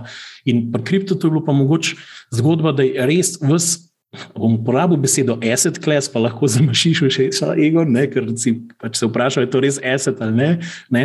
V bistvu je zelo, zelo rastu, ker je res nakazal, da ima velik potencial. Jaz, jaz nisem sploh kriptoskeptik, ne me na robe razumeti. Samo vsa zgodovina venture capital investiranja prav, da moraš biti po logiki sprejem prej, ker ne veš, katera stvar bo zmagala. In tudi, če danes pogledamo Coinbase, Coinbase investira prek novega venčerja svojega v zgodne runde, v semenske runde kriptoprojektov, ampak oni nikoli ne vodijo. Torej, ne, niti oni ne vejo, kva bo vrtal z tega, niso vodilni investitor in investirajo po pol milijona v semensko rundo in investirajo v sto firm, ki delajo na infrastrukturi, na vem, compliance, na regulaciji, na DeFi-ju, na NFT-jih, na vsem živem, kar bo omogočilo to prihodno avtocesto. To morate razumeti in imate pol varianto A ali kupite Coinbase, ki je že zraven nek visi sklad, ki bo investiral v te projekte, ali pa še poleg tega razpršite malo po teh glavnih, pomembnih centrih znanja, ki jim, kaj ne vem, okrog Ethereuma, pa, pa, pa kaj se jim če bi šli zdaj naprej, ok, bila je debata Cardano, pa Solana, pa te projekti, pa seveda neki tudi to, kar je materijo. Jaz tega ne bi izključeval. Matej je pameten človek in sem pripričan, ker ga dobro poznam, da je to dobro pogledal. Dajte imeti mal sprejen prej logiko pri kriptotu, prosim. Ne, ne, ne, ne sam se kregati med sabo, kdo je bolj pameten, pa kdo je več zaslužil na 12 mesecev. Ker, ker realen račun se čez 10 let izstavil, ker boste vi rekel, se dobili skupaj. Upam, da boste vsi razsodni, razumni, da se na komu zmešalo, odhaj pa vmes. Ampak to, to je mogoče fajn, malo da to kontekst. No? To, to se mi zdi. Tako da jaz absolutno nisem kriptoskeptik, ne pravim, da ni to zanimiv asset class, da, ker ni tako koreliran. Je pa res, da bi ga gledal kot nek venture capital, v bistvu tip stave, kjer enostavno to so podjemi, to so ideje, to niso podjetja, ki ustvarjajo denarni tok. Danes ne, mogoče bodo. Tako da, evo, moj, moj Riot Act sem zdaj vam prebral. A gremo kar naprej, ker nekaj vprašanj je bilo tudi vezano na nepremičnine. Na hitro bomo pogledali te zadnje statistike, ki smo jih dobili, uh, pripravili skupaj z Capital Genetics, skupaj z podjetjem Arvijo, IT podjetje Arvijo. Mi tu pripravljamo te analize na četrtletni bazi. Zdaj, tukaj so podatki za tretji kvartal 2021, uh, zadnji kvartal še nisem vključevala, ker pač ni še vseh podatkov na voljo. Tukaj imamo podatke za Slovenijo. Kot vidite, Slovenija, cene nepremičnin, rabljenih stanovanj rastejo, rastejo tudi, če izločimo Ljubljano. Ljubljano morate vedeti, da je motor dogajanja na trgu nepremičnin in zato je treba te zadeve malo ločiti. Vidimo, da tudi Slovenija brez Ljubljane beleži kar lepo, lepo rast. Gremo kar hitro naprej. Številni se namreč pritožujejo, da prepogosto gledamo da pogosto gledamo samo Ljubljano, zato smo pogledali tukaj v srednjo slovensko regijo z Ljubljano in brez Ljubljane. Kot vidite, je pač statistika taka, pač kaže enostavno kaže rast. Če izločimo Ljubljano, je ta rast mogoče malce manjša, bolj stabilna, recimo temu tako. Uh, tako da ja, uh, srednja slovenska regija, kot vidimo, 3200 evrov za rabljeno stanovanje na kvadratni meter, v srednja slovenska regija brez Ljubljane 2500 evrov na kvadratni meter za rabljeno stanovanje. To je um, dogajanje na trgu v Ljubljani, rab, cene rabljenih stanovanj so poletele do novih rekordnih uh, višav, 3325 v tretjem kvartalu je bilo potrebno za kvadratni meter rabljenega stanovanja odšteti v uh, Ljubljani. Cene v zadnjem kvartalu kažejo rast, ta rast ni tako ekstremna, uh, je pa približuje se pa 3400 evrov na kvadratni meter. Najnižja, recimo, nekako rast, oziroma najnižja, oziroma najbolj cenovno ugodna stanovanja so bila okrog leta 2014-2015, takrat smo imeli ceno 2000 evrov za kvadratni meter v Ljubljani, torej 66 odstotna rast v samo šestih uh, letih. Ta graf je fulj zanimiv in sicer prikazuje, kakšen je razkorak med uh, rabljenimi stanovanji in novejšimi se pravi, ki so mlajše od desetih let, in pa starejšimi, torej starejšimi stanovanji od desetih let. Uh, starejša stanovanja je pač potrebno renovirati, starejša, ko so več, več denarja je potrebno vložiti v renovacije. Tukaj vidimo, da se te škarje počasi med novejšimi in starejšimi rabljenimi stanovanji uh, zapirajo. Zdaj, zadnji kvartal je pokazal eno malce nenavadno situacijo in sicer, da so starejša stanovanja od desetih let eh, postala dražja od novejših rabljenih stanovanj. Tako da te škarje se očitno zapirajo, so pa to preliminarni rezultati, Eh, tako da ne še tega čez za 100-odstotno vzeti. Eh, to bomo videli v začetku naslednjega leta, ali so se res te škarje zaprle. Eh, mogoče tudi novo gradnje, tukaj lahko omenimo, cene so še zmeraj kar precej visoke, 5, 6, 7, 8 tisoč evrov za kvadratni meter novejših stanovanj, no, novo gradnje, tako da je kar tako zelo, zelo pestro leto na ne, trgu nepremičnin, to prikazuje tudi ta graf. Vidimo, vse je zeleno, obarvano, cene rastejo po celi Sloveniji, v vseh regijah. Nekako največjo rast smo eh, zabeležili na Gorenskem, jugovzhodna Slovenija, v srednje slovensko niti ni taka rast, 12 odstotna, um, podravska 18, bobala 20 odstotkov, tako da beležimo letos rast praktično v vseh um, statističnih regijah. To so cene po posameznih večjih mestih, ki jih spremljamo v tej naši raziskavi. Cene letos so kar poskočile. Poglejmo, velenje 33 odstotkov, kamnik 20, domžale 22, cene torej rastejo, trbovje tudi 30 odstotkov. Malce sem bila presenečena, ko sem predstavljala v celu gimnazicam te cene. Tam so tudi kar cene pošteno zrasle za 70 odstotkov v zadnjih šestih letih, in mladi so se spraševali, kako bodo prišli do stanovanja, malce so bili tudi v skrbeh. Uh, tako da, ja, pač cene rastejo, kot vidimo, tudi po teh uh, večjih mestih. Evo, toliko o trgu nepremičnin. Kakšen komentar mogoče z vaše strani? Se vam zdijo cene uh, normalne, bodo še rasle, mogoče za neke napovedi so, da bodo cene še naprej se krepile. Matej, ti si prej omenjal, da jih kupujemo kot uh, za investicijo. Ja, jaz bi imel samo eno tezo tukaj. Naprimer, če pogledamo, koliko je depozitov v Sloveniji strani državljanov na bankah, ne, se tukaj približuje kot številka proti 30 milijardam. Ne. Zdaj, če bi nekih 10% ljudi začeli razmišljati, da bodo selili ta denar ven iz bank, pa šle nekam v naložbe, kar pomeni, da tudi če bi šle v en del tega v nepremičnine, um, pa tudi če bi bile, ne vem, rečemo 6000 evrov kvadratni meter nove, nova cena, ne, bi to pomenilo, koliko kvadratnih metrov kupljenih uh, v, v tem kontekstu. In tako je treba si razlagati, ne? se pravi, v bistvu, ker to, to je ta kupni tsunami, ki prihaja. Se pravi, denarja je res ogromno na bankah, in jaz vidim tukaj, da bo, um, da bo ta pritisk ne bo še šel kar enostavno stran. Dokler se ne bo na drugi strani, v bistvu, vem, da bi vsaj neka realna obrestna mera prišla na pol odstotka, ali pa en odstotek, ali pa dva odstotka. Ne ker zdaj se res topijo evri na bankah. Ne. Tam imaš v bistvu inflacijo, ki bo skakala rečemo, med 5 in 10 odstotkov na letni ravni v letošnjem naslednjem letu, in to bo ljudje bo zabolelo. Um, in oni zdaj razmišljajo.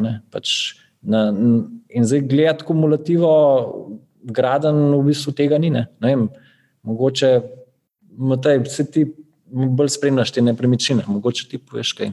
Mislim, da gradanje, gradanje je velik problem, je, da je ta zamika, ne, da, to, da to rabimo pač kar nekaj leta, ne, da, da, da, da so gradbena dovoljenja, da se procesirajo, da se, da se to zgradi. Vmes so še, še um, v bistvu materijali šli gor, um, železo, jeklo, ne vse to šlo gor, ampak um, na, na koncu. Um, te cikli so zelo dolgi. No. To je tež, to težava je to, da, da je praktično ne mogoče napovedati, ne, kako se bo cikl, eh, cikl obrnil. Je pa res, da ni nobenih takih projektov kot so celovški dvori, ker to je ogromna masa bila, bila, bila teh uh, stanovanj, ampak verjetno bomo tudi to počakali, dočakali.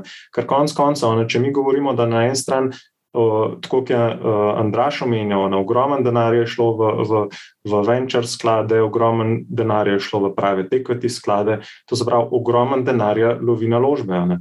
In naložba ni samo to, da ti kupaš stanovanje, ampak je naložba tudi to, da greš v, v gradben projekt. Ne? To se pravi, če, bo, če bodo cene rasle, bodo na drugi strani tudi incentiv za, za vsa gradbena podjetja, da grejo v, projek v te nove projekte in na koncu se bodo škarje enkrat naredile, ne, da bo, da bo, da bo pač demen, da ne bo več, na drugi strani bodo pa, bodo pa projekti uh, v zraku. Vprašanje je, dokam, kako časa in dokam grejo lahko cene. Ne, ker pač konec koncev moramo se zavedati, da smo tudi finančno omejeni. No, nominalno, v bistvu, moraš drugače razumeti. Ne? No, se pravi, ne moreš gledati pa reči, ja, je kvadratni meter 2000. Ne. Naprimer, kaj sem? Če pogledaš, če so bile zdaj v Kranski gori po 5000 evrov uh, transakcije, ali kako so bile. Uh, pa če pogledamo, ne vem, Šamoni ali pa te moderni centri, ki so po 15 tisoč, ja, to, to so razmerja. Ne? Se pravi, ali pa Ljubljana, Berlin, ki je bila dosti podoben uh, pred desetimi leti, pa ki je danes Berlin, pa ki je danes Ljubljana. Uh, vidimo, da je razlika. Ne? Berlin je šel bistveno več gor, kot pa Ljubljana. Ne? Okay, nekaj je na kupni moči, ne? ampak tako. Želim povedati, da v bistvu ta, kam gre lahko še cena, ja, lahko gre še kar konkretno gor. Uh, je pa res to, kar si povedal o dolgoročnosti cikla. Ne? Nepremičninski trg so cikli tako dolgi, da ljudje v bistvu se doskrat reče, da ja, se to pa samo raste. To, to smo že slišali, v bistvu, doskrat. Pa, pa pride, ko bi rekel, 2007-2009 kriza, ki pa mal spremeni ne? situacijo. Ne? Mene zanima, uh, Matej, mogoče, um, imate podatke, ki to, mislim, gledate, da je tako. Uh, samo cena kvadratnih metrov, se zdi impresivno, ampak imate podatke, recimo, koliko so price to rent ratios? Se pravi, kjer je razmerje cene in najemnine. Je tako nekaj ekvivalentnega kot recimo price to earnings ratio. Veš, da imaš dobiš eno osnovo. Je cena zdaj, koliko je glede na, veš, na rente. Imate recimo pri, v primerjavi z nekako podobna stanovanja v tem. Obstajajo taki podatki za Slovenijo? Problem Slovenije je to, da imamo neurejeni najemni trg in spoh podatkov nimamo, da bi lahko karkoli v bistvu delali, spoh pa ne po posameznih recimo mestih ali pa regijah, teh podatkov ni, ta, te podatke nima ne finančna uprava, ne geodetska uprava, pač teh podatkov ni. To ni Amerika. Ta se trga malo zračunati. Jaz mislim, da krepko porivamo čez 20-kratnik najemnin za cene. Um, zakaj tudi? Ker moramo eno stvar vedeti. Vse podatke, ki smo jih videli, so rabljena stanovanja. Edino to, kar je Marija govorila, mi vzamemo vzorec novejših stanovanj. To pomeni, da so stara niso več kot deset let in jih primerjamo z stanovanji, ki so starejša. Torej, če zdaj segmente trga pogledamo, ne, ja, Miroslav je napisal 30 do 40 krat, tudi v nekaterih primerjih, ja, če so odvisni od najemnine, pa kako jo gledamo. Uh, ampak uh, zdaj tako. Uh, Ko vzamemo novogradnje, je kraj velika siva lisa, ker se ne poročajo cene novogradnje, oziroma ti ceniki niso ni, ni jasen, kje so bile te realizirane cene. In tukaj je treba delati s ceniki, neki od projektov, kjer naš tim za real estate to ocenjuje in dobi dejansko podatke od uh, samih investitorjev, ne, ker pač tudi oni potrebujejo oceniti stanovanja za namene zavarovalnega posojanja za projektno financiranje. Tako da v bistvu tukaj, uh, tukaj se dviguje definitivno ta faktor. Uh, če si upam si reči, da so razne inštitucije kar za krivuljo, ker nimajo teh podatkov, pa bi jih morali imeti, po moje, v malo globlji diseminaciji. In potem, recimo, pride ven uh, v vem, ta zadnjem, ne vem, kako se publikacija imenovala, Banke Slovenije, je bila v finančni stabilnosti, da pa zdaj kaže njihov, njihov model neko precenjenost že stanovanj. Mi, ki gledamo to na kvartalni osnovi, ugotavljamo, da že dlje časa smo itek ta zgodbo, da jim reko, income-based valuacije, na, sploh zlasti na razpoložljiv dohodek, moramo vedeti, da so eni se minimalna plača zvišala in razpoložljiv dohodek, to, koliko lahko za kredit porabite, se je v bistvu zmanjšal celo. Ne? ne glede na rast plač, zato ker je šla minimalna plača 700 na 1000, ne vem koliko že, evrov. Tako da ta, ta, te cene poganja na vzgor dejansko neka kako ti rekel, tesnoba ljudi, da se zgublja nek denar v enem obsegu na bankah, pa po mojem tudi finančna nepismenost, ker enostavno drugih oblik naložb ne razumejo. Saj ne, saj ne zelo široko. Pač razumejo pač to, da si lastnik nepremičnine, ker so bile generacije lastniki nepremičnin. Težava po mojem mnenju, je tukaj ta, da se podcenjuje likvidnostno tveganje nepremičnin na nek srednji in dolgi rok, se ga ne zna niti oceniti, zdaj je trg likviden, pol mogoče ne bo likviden, pol financira se 80 odstotkov tega itek s krediti, da jim še to v večino primerov. Tako da če bo to šlo naprej dve, tri leta, bomo pač na neke ravni prišli, ki nimajo veze z dohodki, ampak imajo veze za neki mesec-based pričakovanje, da bo šle cene še naprej gor in temu se reče balon, po domač povedan. Tako da smo na tem robu balona ali pa smo že v balonu, zdaj pa kako delač, kot je rekel Matej. Ne vem, naj se pa mogoče raj izračuna, koliko teh 30 milijard rabijo pa ljudje na 60 let v svoji pokojnini, da nam je živelo kot reveži, namesto da kupujemo stanovanja po, po ne vem, pol milijona, ki jih imajo isti ljudje za lastništvo in jih bojo mogli prodati čez 10-20 let. To pa Ben ne razmišlja tako strukturno malo, ne? ker, ker pač vidijo samo tukaj in zdaj, se mi zdi. No? Tako da Pa, pa veliko trgov je podobnih. Sej, da, da Aj, reči, zanimivo je, da imamo ob debati, ko govorimo o nepremičninah, mehurčki, baloni, to kar pada ven. Ko pa govorimo o kripto, o kriptovalutah, it's a dirty word. No, it's a new technology. Da, da, da, ja, ja, mislim, da I say potato. Zdaj ima te šuva, veš, tako da mora. Ja, mora počakati, da replicira. Ampak mogoče samo ena stvar, tako kot je bilo zelo dobro rečeno. Zgradil si hišo, pa rekel, da je 2000 evrov, mogoče zdaj strošek, ki se je podražil, efektiven. Probaš je prodati za 4 ali pa 5 ali pa 6 ali pa 10, če ti rata, v redu, super. Ne? Razumeš? Ampak tudi, ko gradiš podjetja, tvegan kapital, gradi pa podjetja. Torej, zgodba, kaj je igra?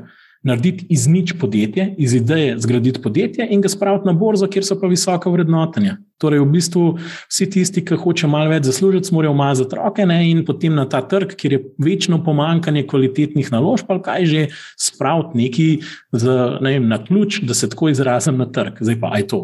Nepremičnina, aj to podjetje na IPO-ju, Rivian je šel ven, vem, pa ni sposoben 400 vozil dobaviti, aj bilo 60-70 milijard. To se sploh ne spomnim. To je tako. Aj balon. Ja, vem, na tem segmentu trga je konkreten balon, po, po mojem mnenju. Zdaj, ali je med blue chipi balon tudi, ali je v celem marketu balon. Vem, to, to je tako, polno imamo gor na štedilniku in se sprašujemo, ali se je že cela jed zasmodila ali samo en konc. Ne, mislim, en konc je siguren za smodo, zdaj ne bomo to pojedli, ne bomo stran vrgli. Tako da, evo, pa, pa smo prišli do. Analogija, analogija s pomojo je super, je res vrhunska. Treba še samo zavedati, kaj to pomvo greme, kaj to pomvo greje. Ja, to pa nazaj na začetek debate. Negativne obrestne mere tako, in pričakovanje, da bodo ostale negativne ali pri nuli tako, v, v dolgoročno zadevo. Tako, temu, temu se strinja, to bi rekel, da je največje tveganje tle centralne banke, tako, ta, the intertemporal trade-off, mm. finančnega tveganja, tle, tle, to, to, to bo še zelo, zelo komplicirana zgodba. Je eno provokativno vprašanje. Če bi mogla staviti na različne centralne banke, na katero centralno banko bi stavila, da bo najbolj navigirala naslednjih pet let? Evo. Pa bom dal jaz predloge. Britanci, ECB, FED, seveda, pa Japonci. Kitajcem bomo dal ven, ker tam je bilo vse, tako ne verjamemo v številke. A, a, damo, a damo anketo, Marja. Temu se reče, who's going to be the best looking horse in a glue factory? Kdo bo najbolj čez nas, varno čez reko, vseh izzivov pripeljal? In hundu je čas. Korelirana, korelirana tveganja, tako da je not IID, unfortunately. Tle Domen sprašuje, kaj je dobra naložba v primeru krize, ki prihaja, lepo prosim, ki prihaja. Je rekel Domen, torej so pričakovanja ljudi, da bo kriza prišla, sicer ni zdaj povedal, ali bo že to naslednje leto, 2022. Se pravi, sprašuje, ali je mogoče to zlato, srebro, mogoče bitcoin, kaj drugega, nepremičnina. A gremo kar po vrsti, Matej, Šimnic, da povej, kaj misliš, da je dobra naložba v primeru krize, ki prihaja, ne vemo pa kdaj. Ne, itak ne vemo, kdaj, kako bo kriza. Vemo, kot sem prej omenil, te analitiki pričakujejo, glavnem, da, bo, da bo trg bo volatilen. In če je volatilen, in če, gre, če, gre, če se pričakovanja vem, niso enotna, glede obrestnih mer, glede inflacije, glede vsega, ne, to pomeni, da najboljš biti investiran v nekem splošnem trgu in ne skakati iz uh, sektorja v sektor, iz surovine v surovino, zaradi tega, ker, ker se nam hitro lahko zgodi, da se, da se za, v bistvu, da, da gre trg gor, mi, mi pa samo lovimo pace in, in se napačno odločamo. Egon, tvoje mnenje. Vprašanje kaj je najboljša investicija v, v času krize? Ja, cash je valjda. Sam problem je, ker to ne veš, kdaj se to zgodi. Ne, moram reči, to, kar je Matej povedal zelo prej, je absolutno najboljši na svet, kar ga lahko damo kjerkoli. Je, da je tako to, chase the money, it's wrong. Tako, you have, še posebej računam, da večinoma ljudi, ki, so, ki gledajo ta podcast, ki sledijo so v relativno mladih letih, imajo delovno dobo, crka 20, 15, ali mogoče celo več. Tako, za vas, kar je najbolj pomembno, je, zdaj je čas, da se da v tvegane naložbe, ampak je to dolgoročno in absolutno ne skakati. Tako, uh, je, še posebej, če se zgodi padec, tako, to gledaš na dolgoročno in s časom se te naložbe počasi prelivajo ker boš potem enkrat v mojih letih, ki se kaj tasga zgodi, ki pade kriza, si v kešu in je to pač se zgodi. A mogoče lahko, Andraš, na hitro poveš tvoje mnenje, bik ali medved v letu 2022? Isto ne vem, če sem čisto iskren, ampak jaz sem se tako smejal, ko sem bral te komentarje analitikov, res mislim. Uh, Tako bom rekel, mogoče samo to, odkje naj bi rast prišla, prišla naj bi predvsem od rasti dobičkov, mogoče to nismo tako poudarjali. Torej, vsi tisti, ki so optimistični, računajo na dve stvari. A, dobički so šli naprej, obrestne mere so nižje, večkratniki so tam, tam približeni, torej zrastemo za 10 do 15 odstotkov, za Evropo so pa tradicionalno italijani malo bolj optimistični, ne, tako kot zmer, da se malo pohecam. Um, tako, evo, to, da sem zdaj povzel vse te napovedi, ne, se kaj pa če drugega res. Jaz pa se klej vrnil nazaj. Mogoče malo več. Najprej se zahvalil vsem, ki so bili na delavnici, pa ki so nas tudi poslušali. Tam smo malo načeli vprašanje različni portfelji za različne trge. Različni portfelj za medvedji trg, pa za, za bikovski trg. Za medvedji trg pomeni, da, da bo par let podpoprečni donosi, lahko tudi negativni. In v teh okoljih, uh, kot koli so vsi rekli, portfelj 60-40, 60 delnice, 40 obveznice je mrtev. Torej v tem smislu odpišite ga brez veze, se je inflacija, kle karkoli. Um, jaz pa pravim, da ni nujno mogoče tako, če so jo obrestne mere dvigovali skozi čas, zato ker v bistvu z nekim portfeljem, zlasti ker je tudi dolarska pozicija noter, imate lahko 2 do 3 odstotni donos in če bojo delnice pač neko obdobje trpele, bo to pomenilo, da boste malo bolj defenzivni. Tako da nek portfelj 60 delnice, 40 obveznice, tudi neki zlata noter je relativno v teh medvedjih trgih, rekel, manj upadlo.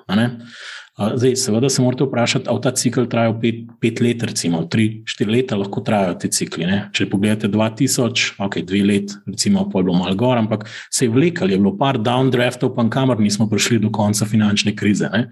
Če se nam nekaj takega zgodi, tudi kaj defenzivnega not ni slabo. Zdaj govorim za tiste, ki razmišljate mogoče v tem obdobju, pet do deset let. Tisti, ki imate daljši horizont, je pa osnovno vrčevanje, morate nujno poskrbeti kaj bi jaz rekel, blue chip delnice, ne preveč skapati levo in desno, neki mečken ga lahko. Lahko si pustite 10% za igranje, ampak tam bi vam svetoval spray and pray zgodbo. Ne. Raj kupite vse, če ne veste, kva. Iskreno povem, bejte mal indeksni pristop, tudi v kriptotu, zakaj pa ne. ne. Uh, obstaja en venture capital firma Tiger Global, se imenuje, uh, ogromna hedge fund, In v bistvu oni so vstopili v, v segment tega kapitala, ker ne vejo, kje zgodba bo zmagala, grejo in financirajo praktično čisto vse po spisku, kar je zanimivo.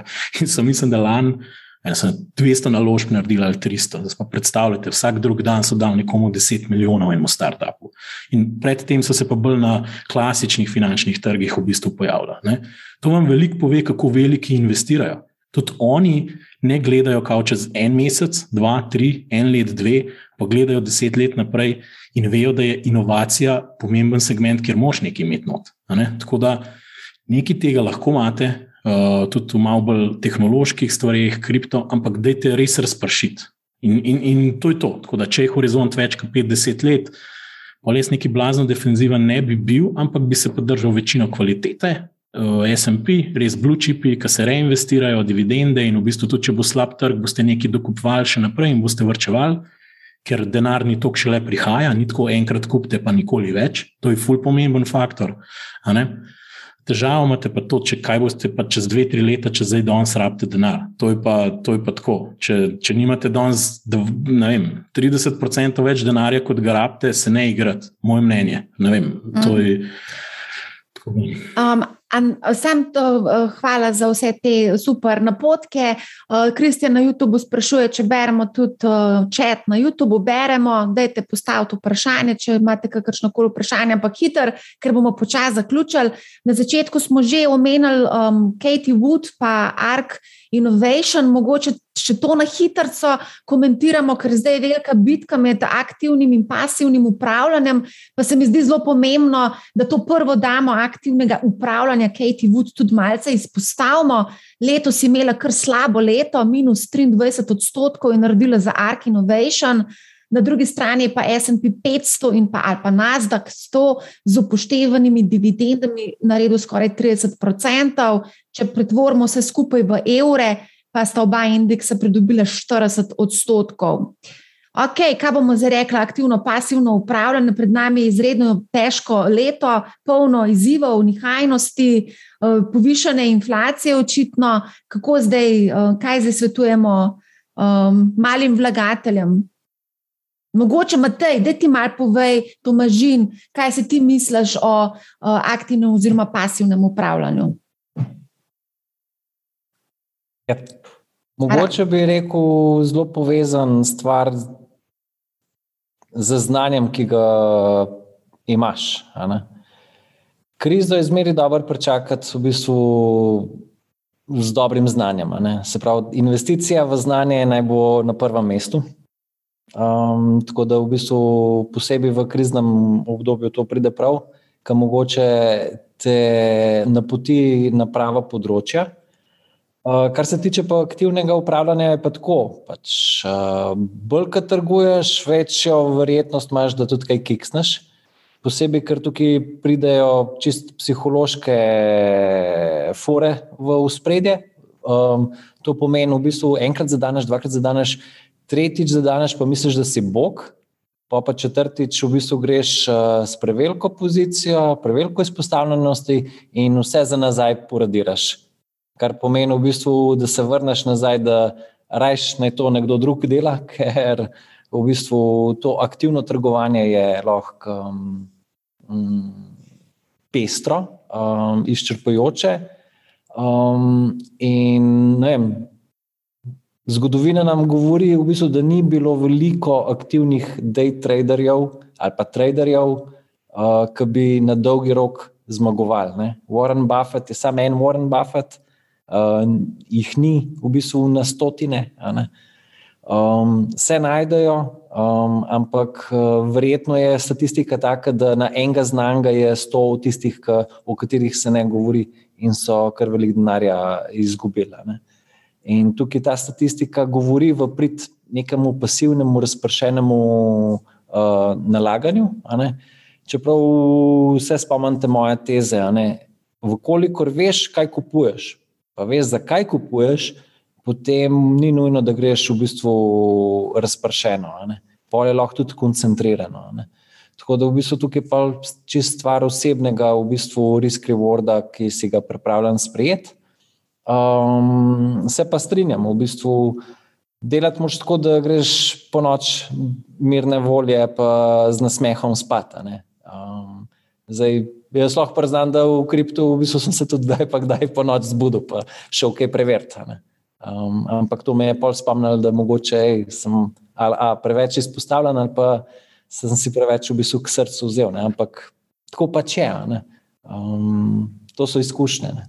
Egon, ti, ti si živel praktično celo življenje v Ameriki, poznaš mutual funds, poznaš sklade, ki kotirajo na borzi, ETF-e.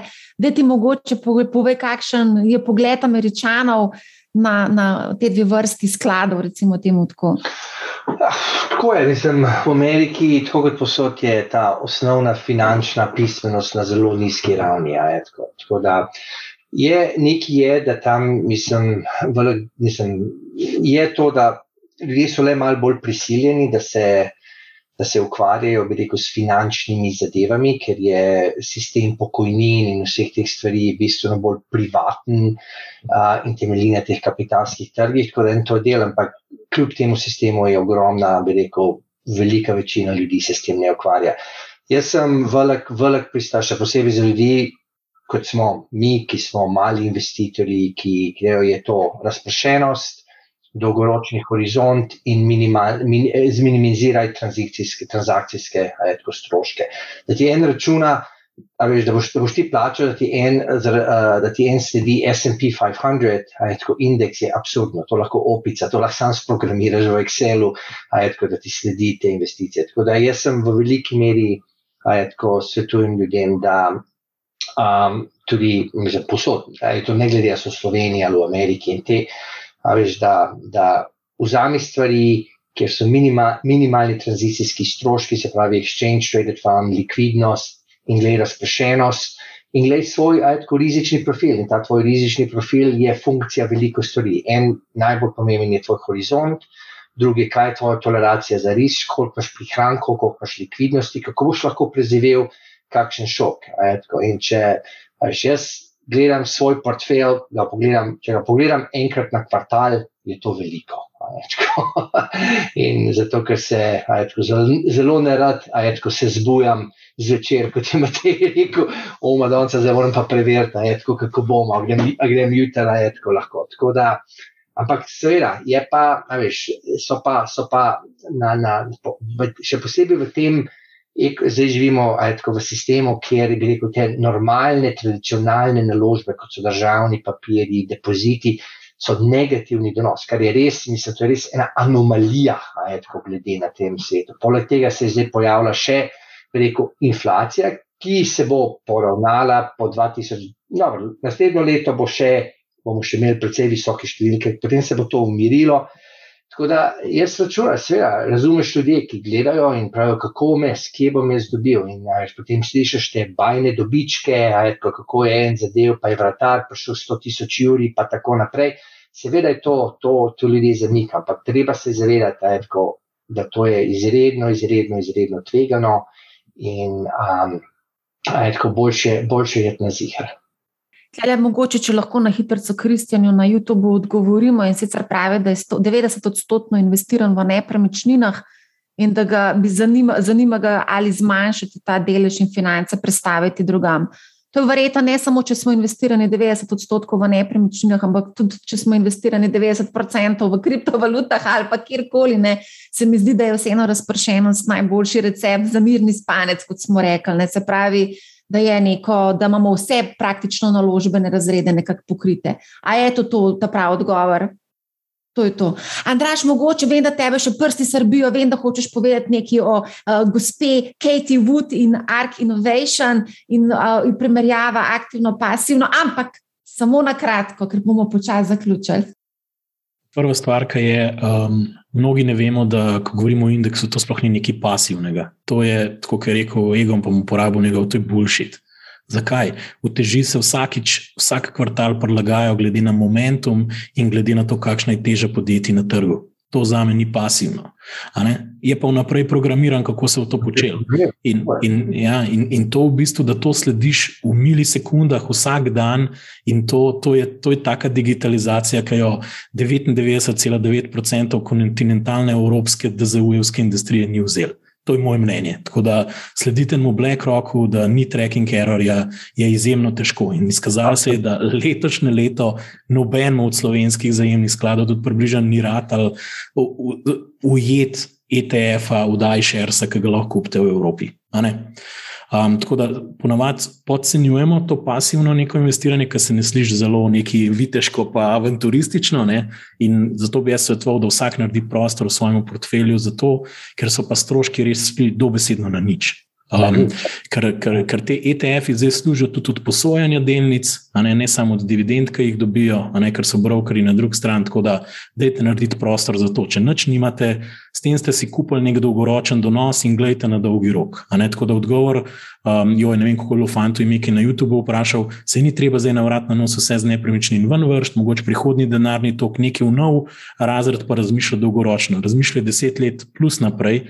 In to bo neka likvidna stvar, ki jo boš lahko prodal v milisekundi prek telefona, v novču, ali pa že v prihodnosti mogoče kar plačal za kruh s tem. Ne vem, kako je to vse povezalo, eh, ker to, to bo res likvidno. Ne? Pa, pa še ena stvar, kako pa združiti pasivno, aktivno, ker za me vprašanje ni eno. Eno ali drugo, to je, to je tako spet en boljši. Zdaj smo rekli, ali v desni ali v levi, kot to je tako malo politika. Ne? Boljše biti malo razmišljati, kam moramo iti. Uh, en izraz je, ki se mu reče core pa satellite v upravljanju. Torej, core, neko jedro je, kjer si zagotovimo nek osnoven donos, neko tržno premijo, neko premijo za tveganje na dolgi rok. Ta satellite pa že tako govori, kot nek satelit, ki je okrog Zemlje, okrog in je zmernik tveganja, da ga bomo nek meteor zadeva. Ne vemo temu tako reči. Ne? V tem delčku ne, ste pa lahko polka dobite neke ideje, da jim reče, da je to 20%. Ne? Naprimer, lahko si drznete neke bolj direktne naložbe in neke koncentracije. Ker mislim, da je tudi Warren Buffett rekel to enkrat, dolg časa nazaj, rekel, zakaj bi kupil 500 delnic, če vem, kjer jih 20 kupiti. To se, to se je on hecal. Zdaj pa, če pa ne veste, kjer jih 20 kupite, pa lahko to naredite obratno. Ne? Kupite najprej 500, jih pa razmišljate lahko cel življenje, če boste 20 tistih najdel, ki so ta prave, sam ne da to vse not, dajte en del, kar se lahko zmotite. No? Um, in kleti mu vzel malo, mogoče, tvojo vsebino, Marija, ampak mislim, da tudi on, ki se bo upokojil, tudi on nima zaupanja, da bo tam en drug Warren Buffett se najdel in zmer najdel teh 20 delnic in se bo za fundacijo, kot jaz razumem, odločil, da bo kar lepo nek indeksni sklad. Vezan na SP 500 vzel in nadijo. Pač, za svojo ženo, ne? Ja, za svojo ja, ženo. Ja, ja se je drugo del, pa je tako, mislim, da filantropsko neki naj, naj, naj, namensko fundacijo dal ali kako koli pa že. Mislim, Berkshire bo delal naprej, ampak v tem delu, ne, uh, torej to tudi marsikaj pove um, kako načrtovati na 20 let. Ne? Ok, gremo pogledati, kakšni so vaši finančni načrti za konec, kaj boste počeli s svojim denarjem v letu 2022, pa začnimo s tabo, Egon. To, kar sem delal že skozi. Se pravi, redno, tako, redni, redni delež plače, tako, vse to gre v, v tako imenovane 401k, tako, sklade, kjer so večinoma exchange traded funds, index traded funds. Zdaj sem, moram reči, da sem mal preložil že, že kar nekaj časa, mal uh, večji del. Uh, v, rekel, v tako imenovane TIPS, uh, Treasury Inflation Protected Securities. Um, to se je kar dobro splačalo, cena teh inštrumentov. To so dolgoročne državne obveznice, ki so vezane na rast uh, cen, na, na, na inflacijo. Se pravi, so, so nekako zavarovane pred inflacijo. Zdi se mi, da to uh, ni. V Evropi, Evropskih takih ni, so pa Anglija jih izdaja, Francija jih izdaja, Nemčija jih izdaja, rekel, da so relativno likvidne in so skladi, uh, ki, ki, ki po mojem s tem tudi upravljajo. Tako da, če vas skrbi inflacija, bolj na dolgoročno, rekel, je to ena relativno dobra, uh, dobra investicija, ki se jo splača pogledati. Uh -huh. uh, Matej Šimlic, kaj pa ti počel s svojim denarjem? Trg bo volatilen, tako da se bo dal tudi uh, tukaj kaj izkoriščati, uh, če bodo uh, določeni sektori zanemarjeni, recimo na zlato se lahko začnejo zadeve odvijati, um, tudi na, na drugih segmentih, ampak v bistvu je tak trg, tudi vidimo te ocene analitikov so tako široke, da, da bo treba počakati, kaj bo, kaj, kaj bo dejansko, kako bo na to trg odreagiral. Ne da se nič predvidevati in bo treba biti ali diverzificiran ali pa izjemno prilagodljiv. Ampak ja, to je pa, pa verjetno za napake. Kaj pa ti, Andraš? Sledil bom temu, kar sem rekel. Zmer se zalotam, da sem imel premalo pasivnih stvari noter. Zdaj, če izdamem vse, kar delamo na firmi, ki ima neke specifične uh, cilje. Uh, tako da povečati je delež nekih pasivnih dolgoročnih naložb, to je ta kor, ta kor si moram malo popraviti. Tukaj bom zamenjal, rekel tudi malo v kjerih inštrumentih, ampak ja. Pa, pa kar opažam, je to, da naredil sem en prostor za nek denarni tok za naprej, kar pa vsem verjamem, gledam kaj 10-20 let naprej.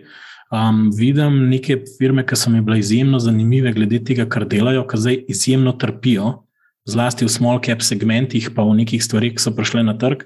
Tako da računam, da v enih 3-4 letih bo tako malo, rekel, burno obdobje, pa bo kakšno stvar lahko uh, kupiti. Tega se lotevam točno na tak način, kot sem rekel, malo sprej in prej. Torej, ne vem, dal sem si zdaj, vsak let si bom dal, mm, ne vem, da imamo 10 tisoč evrov, če hočete eno številko, ali pa 20 tisoč evrov na lagar za, za, za capital, da lahko malo kupujem in si bom naredil portfelj teh inovativnih firm. Kje stvari me zanimajo, mogoče vas še to zanima. Um, zelo veliko se ukvarjamo tudi pri nas na firmi za avtomatizacijo, uh, zlasti v industriji, torej industrijska avtomatizacija, umetna inteligenca, tudi neki fintech. Um, pa tudi, tudi zanimivo je v bistvu gledati, kam bo šla vprašanje prehrane, pa beljakovin, odkje bojo prihajale v prihodnosti. In klej ne bi zdaj stavil nujno na eno delnico, ampak bom zelo verjetno nek tak uh, tvegan portfelj malo sprej in prej naredil. In to se da narediti tako, da kupujete tudi po 100 evrov vsake delnice, tudi če so zelo, zelo tvegane. Na, na 10-15 let, če je to samo 20% vašega celega portfelja, torej bo kor iz SP, recimo, ali pa nekega globalnega pocen produkta, če naredite tam, tam žep, no, ti lahko tudi kripto. Vem, čeprav meni je malo mal bolj všeč mi pot skozi te liste tvehikle, ki mislim, da jih bo zmer več. Um, tako da to bo en tak mini portfelj, ki bo sam po sebi mogoče 50 pozicij. Zakaj? Ker nisem dovolj pameten, da bo v to, kdo od njih bo zmagal. Ampak to bo vse skupaj, bo pa mogoče do 20%. Tam v osnovi hočem pa un 9% donos na 20 let reinvestiranje, pa stalno vrčevanje. V bistvu tako, evo, to si mečkan, mečkan si moram kontrapol narediti temu, kar imamo na naši firmi, ker bomo pa zelo močno delali s podjetji v zgodni fazi razvoja. No. Tako pa zostavimo na neke dolge cikle inovacij. In klej kriza sama dve, tri leta naprej nima to kveze, razen to, da bomo pač malo teže kruh zaslužili v tem obdobju, po mojem mnenju. No, evo, to je to. Matej, povej, kaj boš počel z denarjem? Ah, Jaz si tako skozi špekuliram, oziroma na robe sem se izrazil. Moj, moj, moj, moj, moj, moj odnos do tveganja je nadstandarden. Oziroma, um, tako kot nepremičnine v Sloveniji. ja, nepremičnin nimam. Tako da v bistvu. Moja filozofija je ta, da v bistvu je dosti lažje se delati z nečem, ki ne zahteva tako veliko ukvarjanja kot z nepremičnino. Ne? Ker, nepremičnino, moš se eno v bistvu. Ne vem, a moš imeti pol najemnika, pa se z, ni, z njihovimi tako obami ukvarjati in podobno. Meni men to ne leži. Um, mi je lažje ta uh, buy, sell, klik uh, narediti, pa brez, um, lahko tam slušalke gor, pa odmitno. No. Uh, pod črto, jaz sem še zmeraj v bistvu večinoma investiral v kriptoindustriji, jo spremljam. Jaz mislim, da tako bo tudi naslednji let. Zdaj znotraj kripta v bistvu še zmeraj stavim na une projekte, ki sem jih že povedal. To je kozmos, ekosistem, pa znotraj tega v bistvu Terra, uh, ekosistem. Jaz mislim, da v bistvu bodo določeni milestoni, ki jih imajo oni še naslednjo leto, v bistvu um, dali neke pač dosti dobre rezultate, ki bi se znali utegniti, pa preslikati na sami vrednosti. Um, je pa to tvegano. Se, se zavedam, da se lahko zbudim z bolečim občutkom v trebuhu, ampak to je pač tveganje, ki ga prevzamem. Um, tako da v bistvu to je to. To je to. Ja, nič, to je to, točno to, to je to. Najlepša hvala za vaš čas, za današnje druženje. Mislim, da smo dali zelo veliko zanimivih informacij. Želim vam vse najboljše v novem letu, veliko poslovnih, osebnih zmag in srečno. Srečno. Srečno in veselo. Držite se vse. Veselo, srečno. Ja, dragi poslušalci, hvala, da ste bili z nami v letu 2021. Upam, da boste tudi v letu 2022. V slabih desetih mesecih, odkar Manihau obstaja, smo za vas pripravili 53 epizod, od tega tri Manihau live, eno Manihau delavnico, naredili smo šest prilagojenih predavanj podjetjem, šest prilagojenih vsebin za študente in dijake. Manihau ima preko 10 tisoč naročnikov, preko 200 tisoč prenosov vsebin in preko milijon ogledov video vsebin. Hvala vsem, ki nam zaupate, hvala, da nas spremljate in hvala, da ste bili z nami. V leto 2022 vstopamo seveda z optimizmom in veliko motivacije, da naredimo nove, nove premike k večji finančni pismenosti slovencev. Za konec želim vam srečno, zdravo, pisano, veselo, bogato, varno, polno novo leto, čim manj schizofrenije. Poslušajte, manjhav, ne bo vam žal in lep pozdrav!